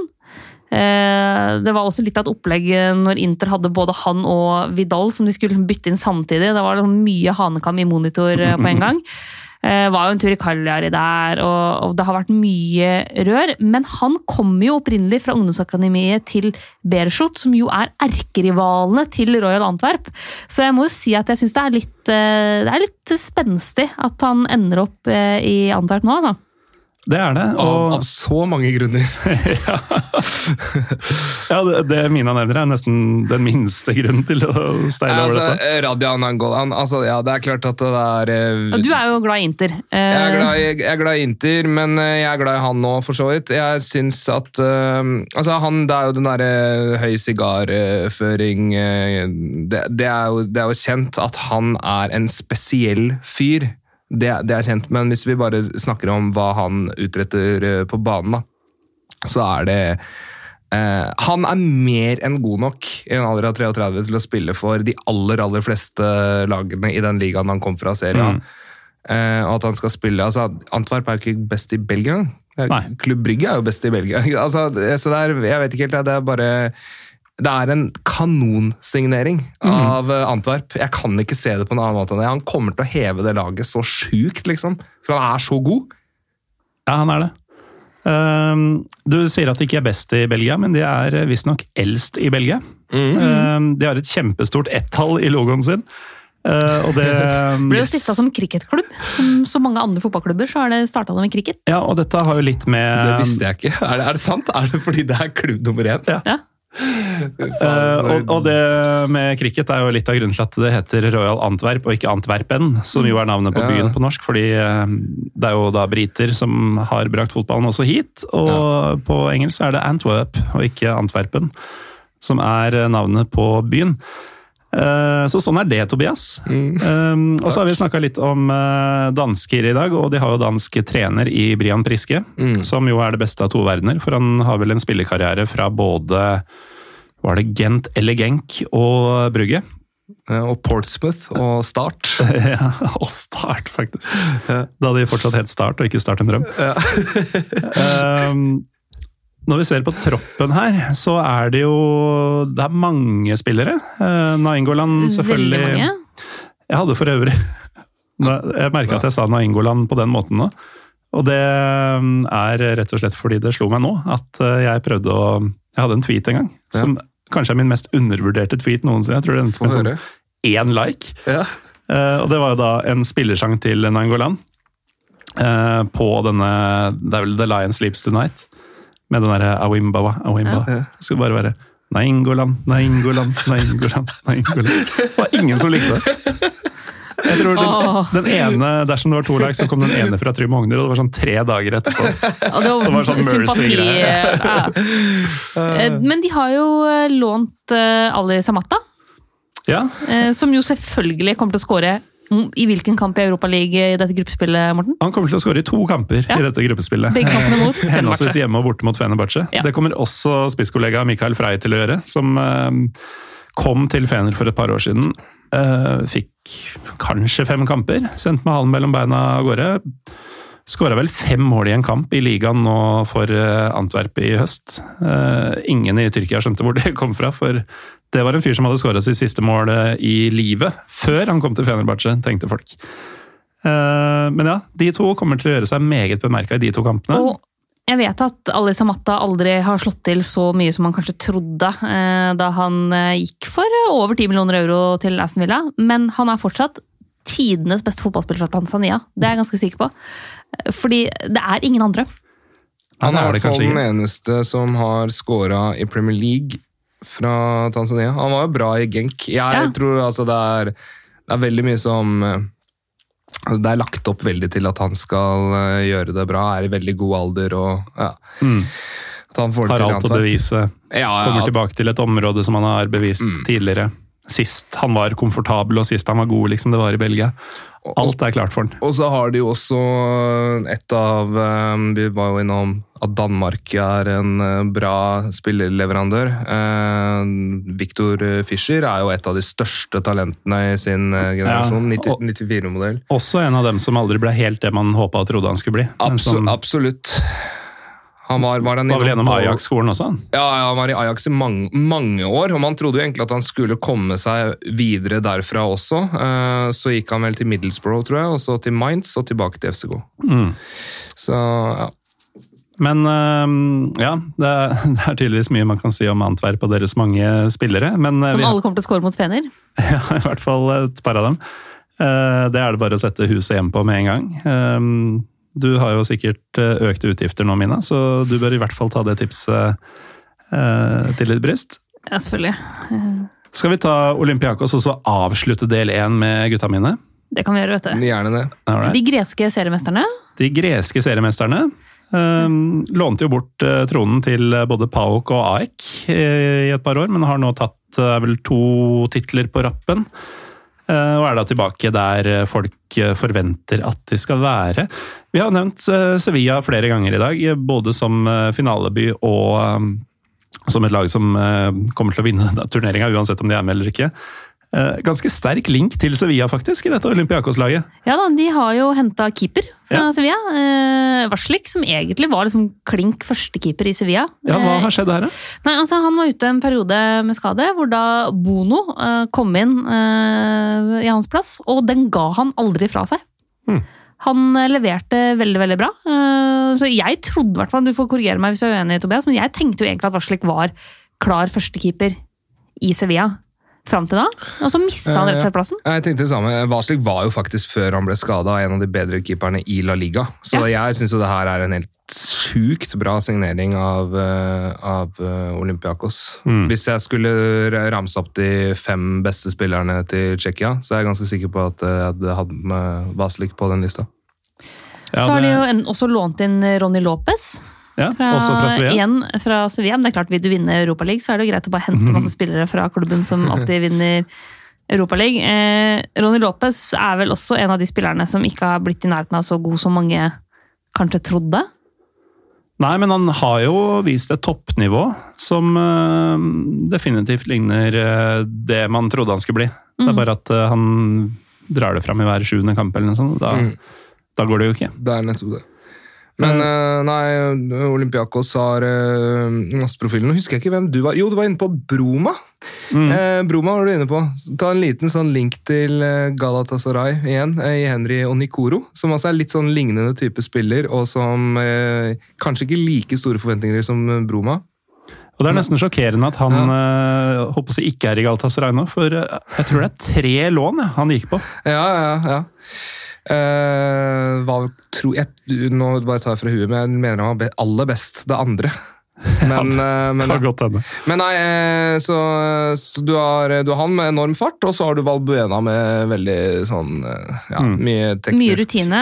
Ja, kreativitet og generelt bare masse fotball i seg. Og så må jeg også si, eh, han har blitt eh, 34 år nå, men Yusuf El Arabi på topp der, eh, han var veldig bra i Europaligaen forrige sesong. Mm. Eh, han hadde annet noen kamper der eh, mot Arsenal, som var dritbra. Eh, jeg lurer på om han skåra mot både PSV og mot Arsenal. To mot Arsenal og ett mot PSV forrige sesong. Så han har liksom Han har levert ganske bra før. Og begynner å bli en godt voksen mann. Det har jo vært en, en rundtur i litt ulike ligaer rundt omkring, men, men han ja, verdt å følge med på, altså. Og, og, og suveren toppskårer i gresk liga forrige sesong. Mm. Nei, så Det er jo et lag med mm, altså åpenbart eh, gode spillere. De har vunnet ligaen i en relativt uh, sterk eh, liga. De har uh, mye kjente navn. Vi har uh, nevnt mange av dem. De har også Jan Muvila, som man sikkert også Nå har jeg ikke alderen hans foran meg, men som helt sikkert er yngre enn vi tror. 31 år bare. Han skulle vært 37. År yngre enn meg. Ja, Jeg har jo vært der i noen år, men eh, åssen er det for deg å kjenne at nå blir det stadig flere fotballspillere som er eh, ikke bare yngre, men også vesentlig yngre enn deg? Altså, jeg og Tobias er jo samme generasjon, holdt jeg på å si, eller samme årskull. Vi er født i 1989 begge to. Eh, Det er veldig veldig rart. Men jeg hadde min store sorg da jeg innså at jeg hadde blitt for gammel til å kunne være talent. Så han Selv i Norge? ja, også, eller italiensk talent, da, for der bikker du jo på 26. Oh, ja. Eh, Så der, det er får du lov til å være talent ganske lenge. Mm. Det var veldig tungt. Og nå er litt sånn eh, Folk som er født da jeg begynte på ungdomsskolen. Driver jo nå og herjer i Champions League. Så, så det er ganske blytungt, faktisk. Og alle spillere som jeg tenker at er sånn herre han har jo vært med i evigheter. Viser seg å være jevngamle som meg. Ja, eh, nå kunne jeg sånn i eh, voksen alder holdt jeg på å si, eh, sette opp hvilke spillere født samme år som meg ble best. Ja. Vil du vite det? Eh, ja, vi har jo tid til det. Vi har tid til hva vi vil. Men eh, kanskje holde oss til en topp tre, Topp tre? og bare name-dropping. kan man sl bare slenge inn Gareth Bale, Han er like gammel som meg. Mm. Jordi Alba ja. og Sistemann fra 89. ja. Det- Aubameyang er ikke han også innom der? Det kan 88, godt hende, kanskje? Han er 88, tror jeg. Eh, men ja, nei, det, er, det er noen gode navn der, altså. Jeg Ja, han er 89, jeg tror, Auba er 89. Da, ja. ja, ja, ta de tre, da. Ja, de, de kunne slått oss tre i en eh, tre mot tre. Det, jeg tror Det er jeg ganske sikker på. Jeg fant jo ut øhm, Jeg var jo litt med i øhm, Vi kommer igjen tilbake til fotball-TV. De hadde jo sånn preview på Europa, altså på EM, Mm. uh, på forsommeren her. Og da um, prata man om uh, f.eks. Pandev, da, som vel var EMs Ja. eldste spiller.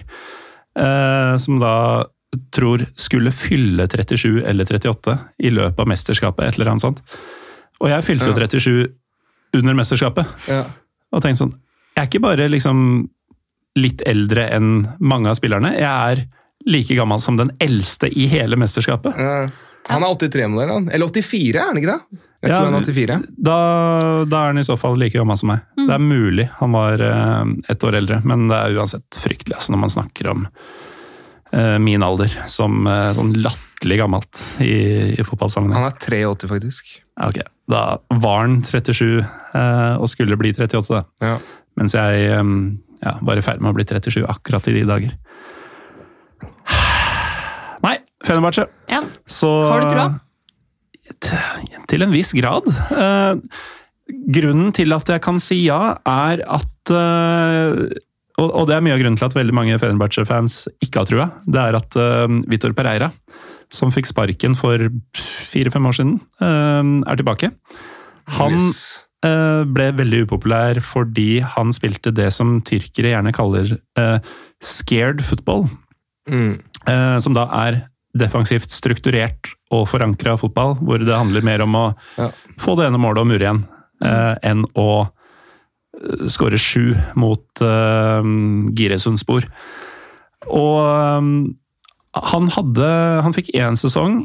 Han Jeg lurer på om han tapte en cupfinale. Kom videre fra gruppespillet i Europaligaen. Det var vel da de var i gruppe med Molde for øvrig, som vant den gruppa. Eh, og Ja.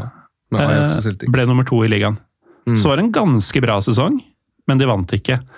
Eh, og når du da, og dette nevnte jo du tidligere, eh, blir man nummer to i alt mulig eh, med det Tobias kaller eh, positiv fotball, så er det greit. Da, da får du masse goodwill. Når du gjør det med den såkalt feige fotballen, da, Mm. så er det rett på huet og ræva ut. Du Ja. kan ikke rettferdiggjøre det overfor supporterne. At du både skal være kjedelig og ikke vinne. Altså, du kan være, du kan være kul og vinne, helst. Eh, Du kan være kjedelig og vinne, det kommer kanskje på andreplass. Kanskje faktisk på tredje, bak eh, det å være kul og nesten vinne. Mm. Men å være kjedelig og ikke vinne, det er Altså, helt tror, jeg tror mange tar heller en tredjeplass med artig fotball enn en andreplass med kjedelig fotball. Men med det sagt, da, så er det jo Jeg har lest noen sånne eh, taktiske analyser av Vitor Pereira. Mm. Eh, han er jo en Trebekslinjetrener som spiller direkte fotball, som Ja. du sier. Altså, ja, Men eh, på den tiden han var der sist, Ja. så var det ikke, da hadde jo ikke Trebecks-greiene kommet til Tyrkia engang. Så han, han gikk jo på akkord med seg selv den gangen. Så han gjorde ikke det der. Nei. For det, denne analysen det var fra den klubben han trente sist, altså Shang, Shanghai Sipk, eller Shanghai eh, mm, Port, som det heter nå. Eh, men eh, han eh, Det som har vært greia, er at de er altså, kontringsfotball, men så er det også at veldig mange av målene de slipper inn, er når de er i kontringer selv, og det blir brudd. Mm. Og så skårer andre lager på kontringer. Men eh, det var jo også eh, Han ble jo linka til både Everton og Southampton, og det var veldig mange sånne Everton, Southampton eh, journalister som følger de klubbene. Som mente at uh, Vitor Pereira han er perfekt for uh, vår klubb. Og han er jo også tross alt seriemester både i ja, Kina, men også Hellas og Han er en god og merittert trener, Så, eh, på et nivå som er sammenlignbart med det tyrkiske. Yes. Så han er på mange måter et skup for et lag som Fenerbahçe. Er bare at eh, han må ha suksess, og da målbar suksess i form av trofeer, for at supporterne skal anse ham som det. Så, spørsmålet er jo, får han arbeidsro, selv om han vinner kamper 1-0, 2-1 og sånn? Ehm, så kan det bli bra, eh, både sesongen som helhet og sjansen deres i Europa. Eh, Men blir et par av de planlagte 1-0-kampene 0-0 eller 1-1 i stedet, og man ser samtidig at Besjiktas Besiktas eller Trabzonspor feier over motstandere, men samtidig taper 2-0 i neste kamp, eh, så blir det tungt å være Vitor Pereira, og da blir det tungt å være Fenerbahçe spiller, og det blir i det hele tatt tungt å være Fenerbahçe. Eh, Men sånn er jo eh, Tyrkia, og dette gjelder jo helt sikkert Ja. ja. flere av lagene som vi har snakka om i dag. Men eh, man er eh, ganske ekstrem da, i Tyrkia, spesielt i Fenerbahçe, som ikke har vunnet ligaen siden 2014. Mm. Uh, I en periode hvor både mm, ja, begge de to store rivalene Alle i Istanbul. ja, Alle unntatt Kasim Pasha, liksom. Ja. Uh, men altså, Besjiktas har tatt flere titler, Galatasaray har tatt flere titler. Til og med Bashakshehir har vunnet. Mm, Fener er de eneste som ikke får det til. Eh, det brenner ganske godt under skoa der, og de, de merker man da på måten de forbrenner trenere og spillere på, og har gjort det i flere år. Vet, du, vet du hva som blir redninga? Er det Arda Guler? Det er Arda Guler. Han, eh, han har du troa på, uten å vel ha sett noe jeg- mer enn det, det, må, jeg bare si. Det var, eh, jeg er jo, følger jo Barcelona tett, og det fikk veldig mye Og så for øvrig, da. Debuten til Arda Nei, debuten til Ansu Fati eh, på Camp Nou mot eh, Real Betis i 2019. Mm. Men jeg fikk masse spørsmål da, hvor god er han og sånne ting. Og jeg sa det helt eh, sånn, altså, han er for ung til at jeg tar han. Og det er samme greia med Arda. Det jeg kan si om Arda Guler, han ser ut som Messi på juniornivå i Tyrkia. Ja. Men hvordan han ser ut på seniornivå, det, veldig, det vet man ikke. Veldig mange har sett ut som Messi på juniornivå i Tyrkia. Ja, vi, vi har hatt så mange. Messier i absolutt alle land, Ja. og Mm. kriker og kroker. Eh, Du har garantert hatt folk som har sett ut som Messi på Lillehammer. Liksom. Mm. Men, det- men det er veldig sjelden at eh, en sånn fyr får sjanser på A-laget eh, for en av de store klubbene i Tyrkia. Så at eh, Arda Guler er noe helt spesielt, Det er ikke noe tvil om. definitivt. Betyr Ja, ja. for øvrig Arda smiler, eller Arda ler. Er det? Så hvis han får en god karriere, så er det jo marketing som writes itself. Ellers er det jo også enorme mengder veteraner her, da. Eh, Ja. Fordi som vanlig så leverer jo de tyrkiske lagene på en veldig sånn derre «Ah, Skal jeg sette det laget her i kveld? Jeg bare kik- kikker litt på troppen deres og ser om det er noen jeg kjenner igjen. Mm. Der leverer jo Tyrkia alltid sterkt. Ja. Fordi her har du jo liksom Du har Ener Valencia, for Ja. de som husker han. Som eh, var sånn passe i fjor, men som eh, har vært helt rå i seriestarten nå.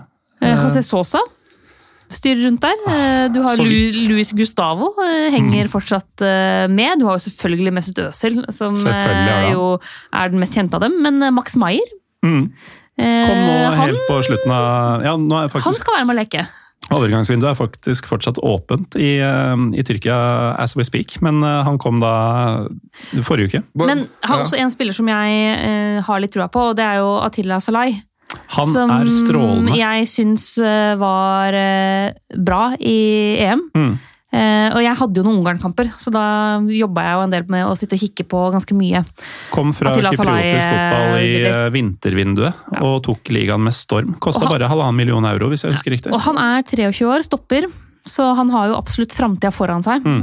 og skal jo egentlig bare bli, bli bedre og bedre. Men jeg syns det jeg har sett av han så langt, da, eh, har vært kompro- veldig imponerende. Kompromissløs uh, stoppetype. Men, Ordentlig. men, men, men, som, også, eh, men også, som jeg også har lagt merke til, selv om ikke jeg snakker uh, verken ungarsk eller tyrkisk, men det virker som at han tar den tyrkiske fotballkulturen, og ikke minst den Fenerbahçe-kulturen, ordentlig på alvor. Mm. Hvis du forstår hva jeg mener. Han er liksom, han, det virker som at han ønsker å være en Fenerbahçe-spiller. da. Ja, han gjør det, og det kom veldig tydelig fram i Jeg lurer på om det var debuten hans. Så skulle han bli intervjua av BN Sport, som har eh, Mm. Um, rettighetene, i hvert fall internasjonalt. Jeg vet ikke helt åssen det er i Tyrkia for tida, men um, på den tida så hadde Fenerbahçe beef med akkurat den kanalen.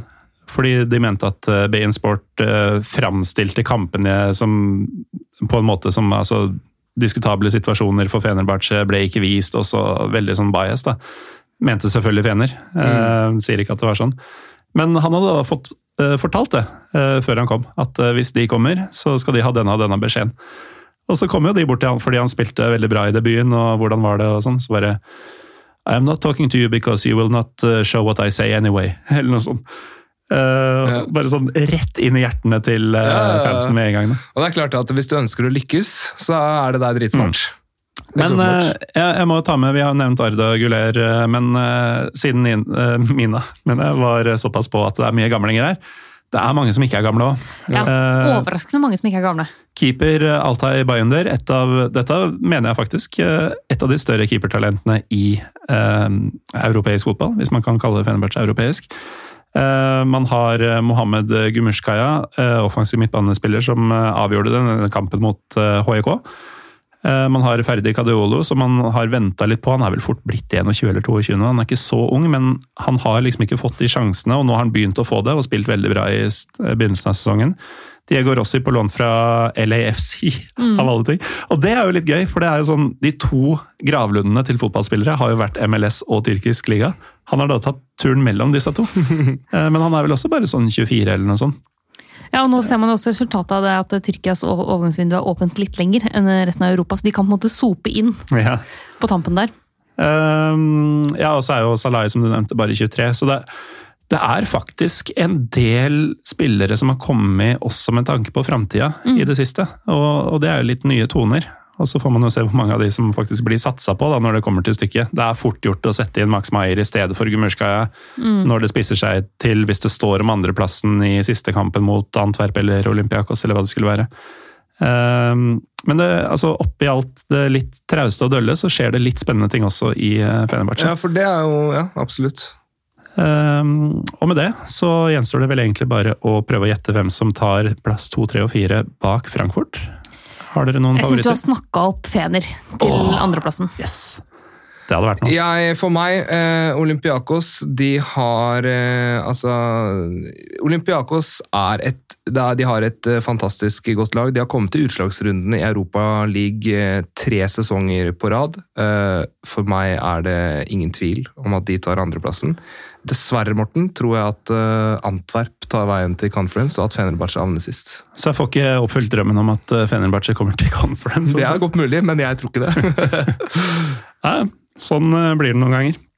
Eh, vi får bare vente og se. Eh, del én er ferdig. Del to, du som hører på, kommer ja, om noen timer eller i morgen. et eller annet sånt. Det spørs litt når tekniker Felix gidder å gjøre dette ferdig. I mellomtida så vil jeg takke Tobias Storeste Dale, Mina Finstadberg, deg som hører på, og bla, bla, bla. bla. Vi har innspilling av det som er ment å være episode 200 eh, i Trondheim live på EC Dals fredag 8. oktober. Nå pumper vi ut episoder i et sånt tempo at det kan hende vi når 200 før det. Men eh, feiringa av episode 200 vil i hvert fall skje der eh, 8. oktober. Og billetter ligger på Hupla. Sjekk ut Pyro Pivopod på Twitter for eh, link og eventuelle spørsmål og sånne ting.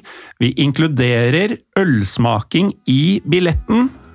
Fem av Esedals freskeste brygg får du da i tillegg til Pyro Pivo nummer 200 i anførselstegn live på Esedals fredag 8. oktober. Ha det!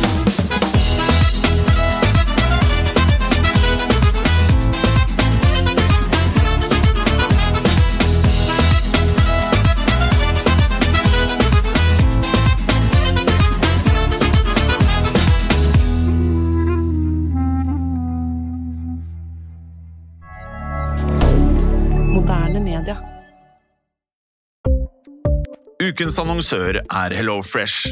HelloFresh er verdens ledende matkasseleverandør og kan være redningen i en travel hverdag. Mange av oss har nok vandret i butikken både sultne og uten en plan for middagen, som ender med at vi går for de samme kjedelige rettene gang på gang. Middag burde være dagens høydepunkt, Som Hello Fresh kan du nå velge mellom 25 ulike retter hver eneste uke, eller få Hello Fresh til å sette sammen menyen for deg.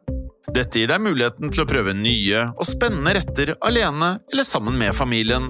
Du velger antall porsjoner og får alt levert på døren på et tidspunkt som passer for deg. Oppskriftene er enkle, og maten er lett å lage både for store og for små. Ved å få alt levert hjem får du også mer tid til å dele matgleden med familie og venner. Kanskje det frister med asiatiske tacos eller greskinspirert kylling? Da kan jeg anbefale deg om å gå inn på hellofresh.no. Her kan du bruke koden FOTBALL og få opptil 1779 kroner i rabatt på de første fem matkastene hvis du ikke har prøvd Hello Fresh tidligere. Du kan også bruke rabatten hvis du har vært kunde og stoppet abonnementet ditt for tolv måneder siden eller lengre. Gå inn på hellofresh.no og bruk koden FOTBALL. Har du et enkeltpersonforetak eller en liten bedrift? Da er du sikkert lei av å høre meg snakke om hvor enkelt det er med kvitteringer og bilag i fiken, så vi eh, gir oss her, vi. Fordi vi liker enkelt. Fiken superenkelt regnskap.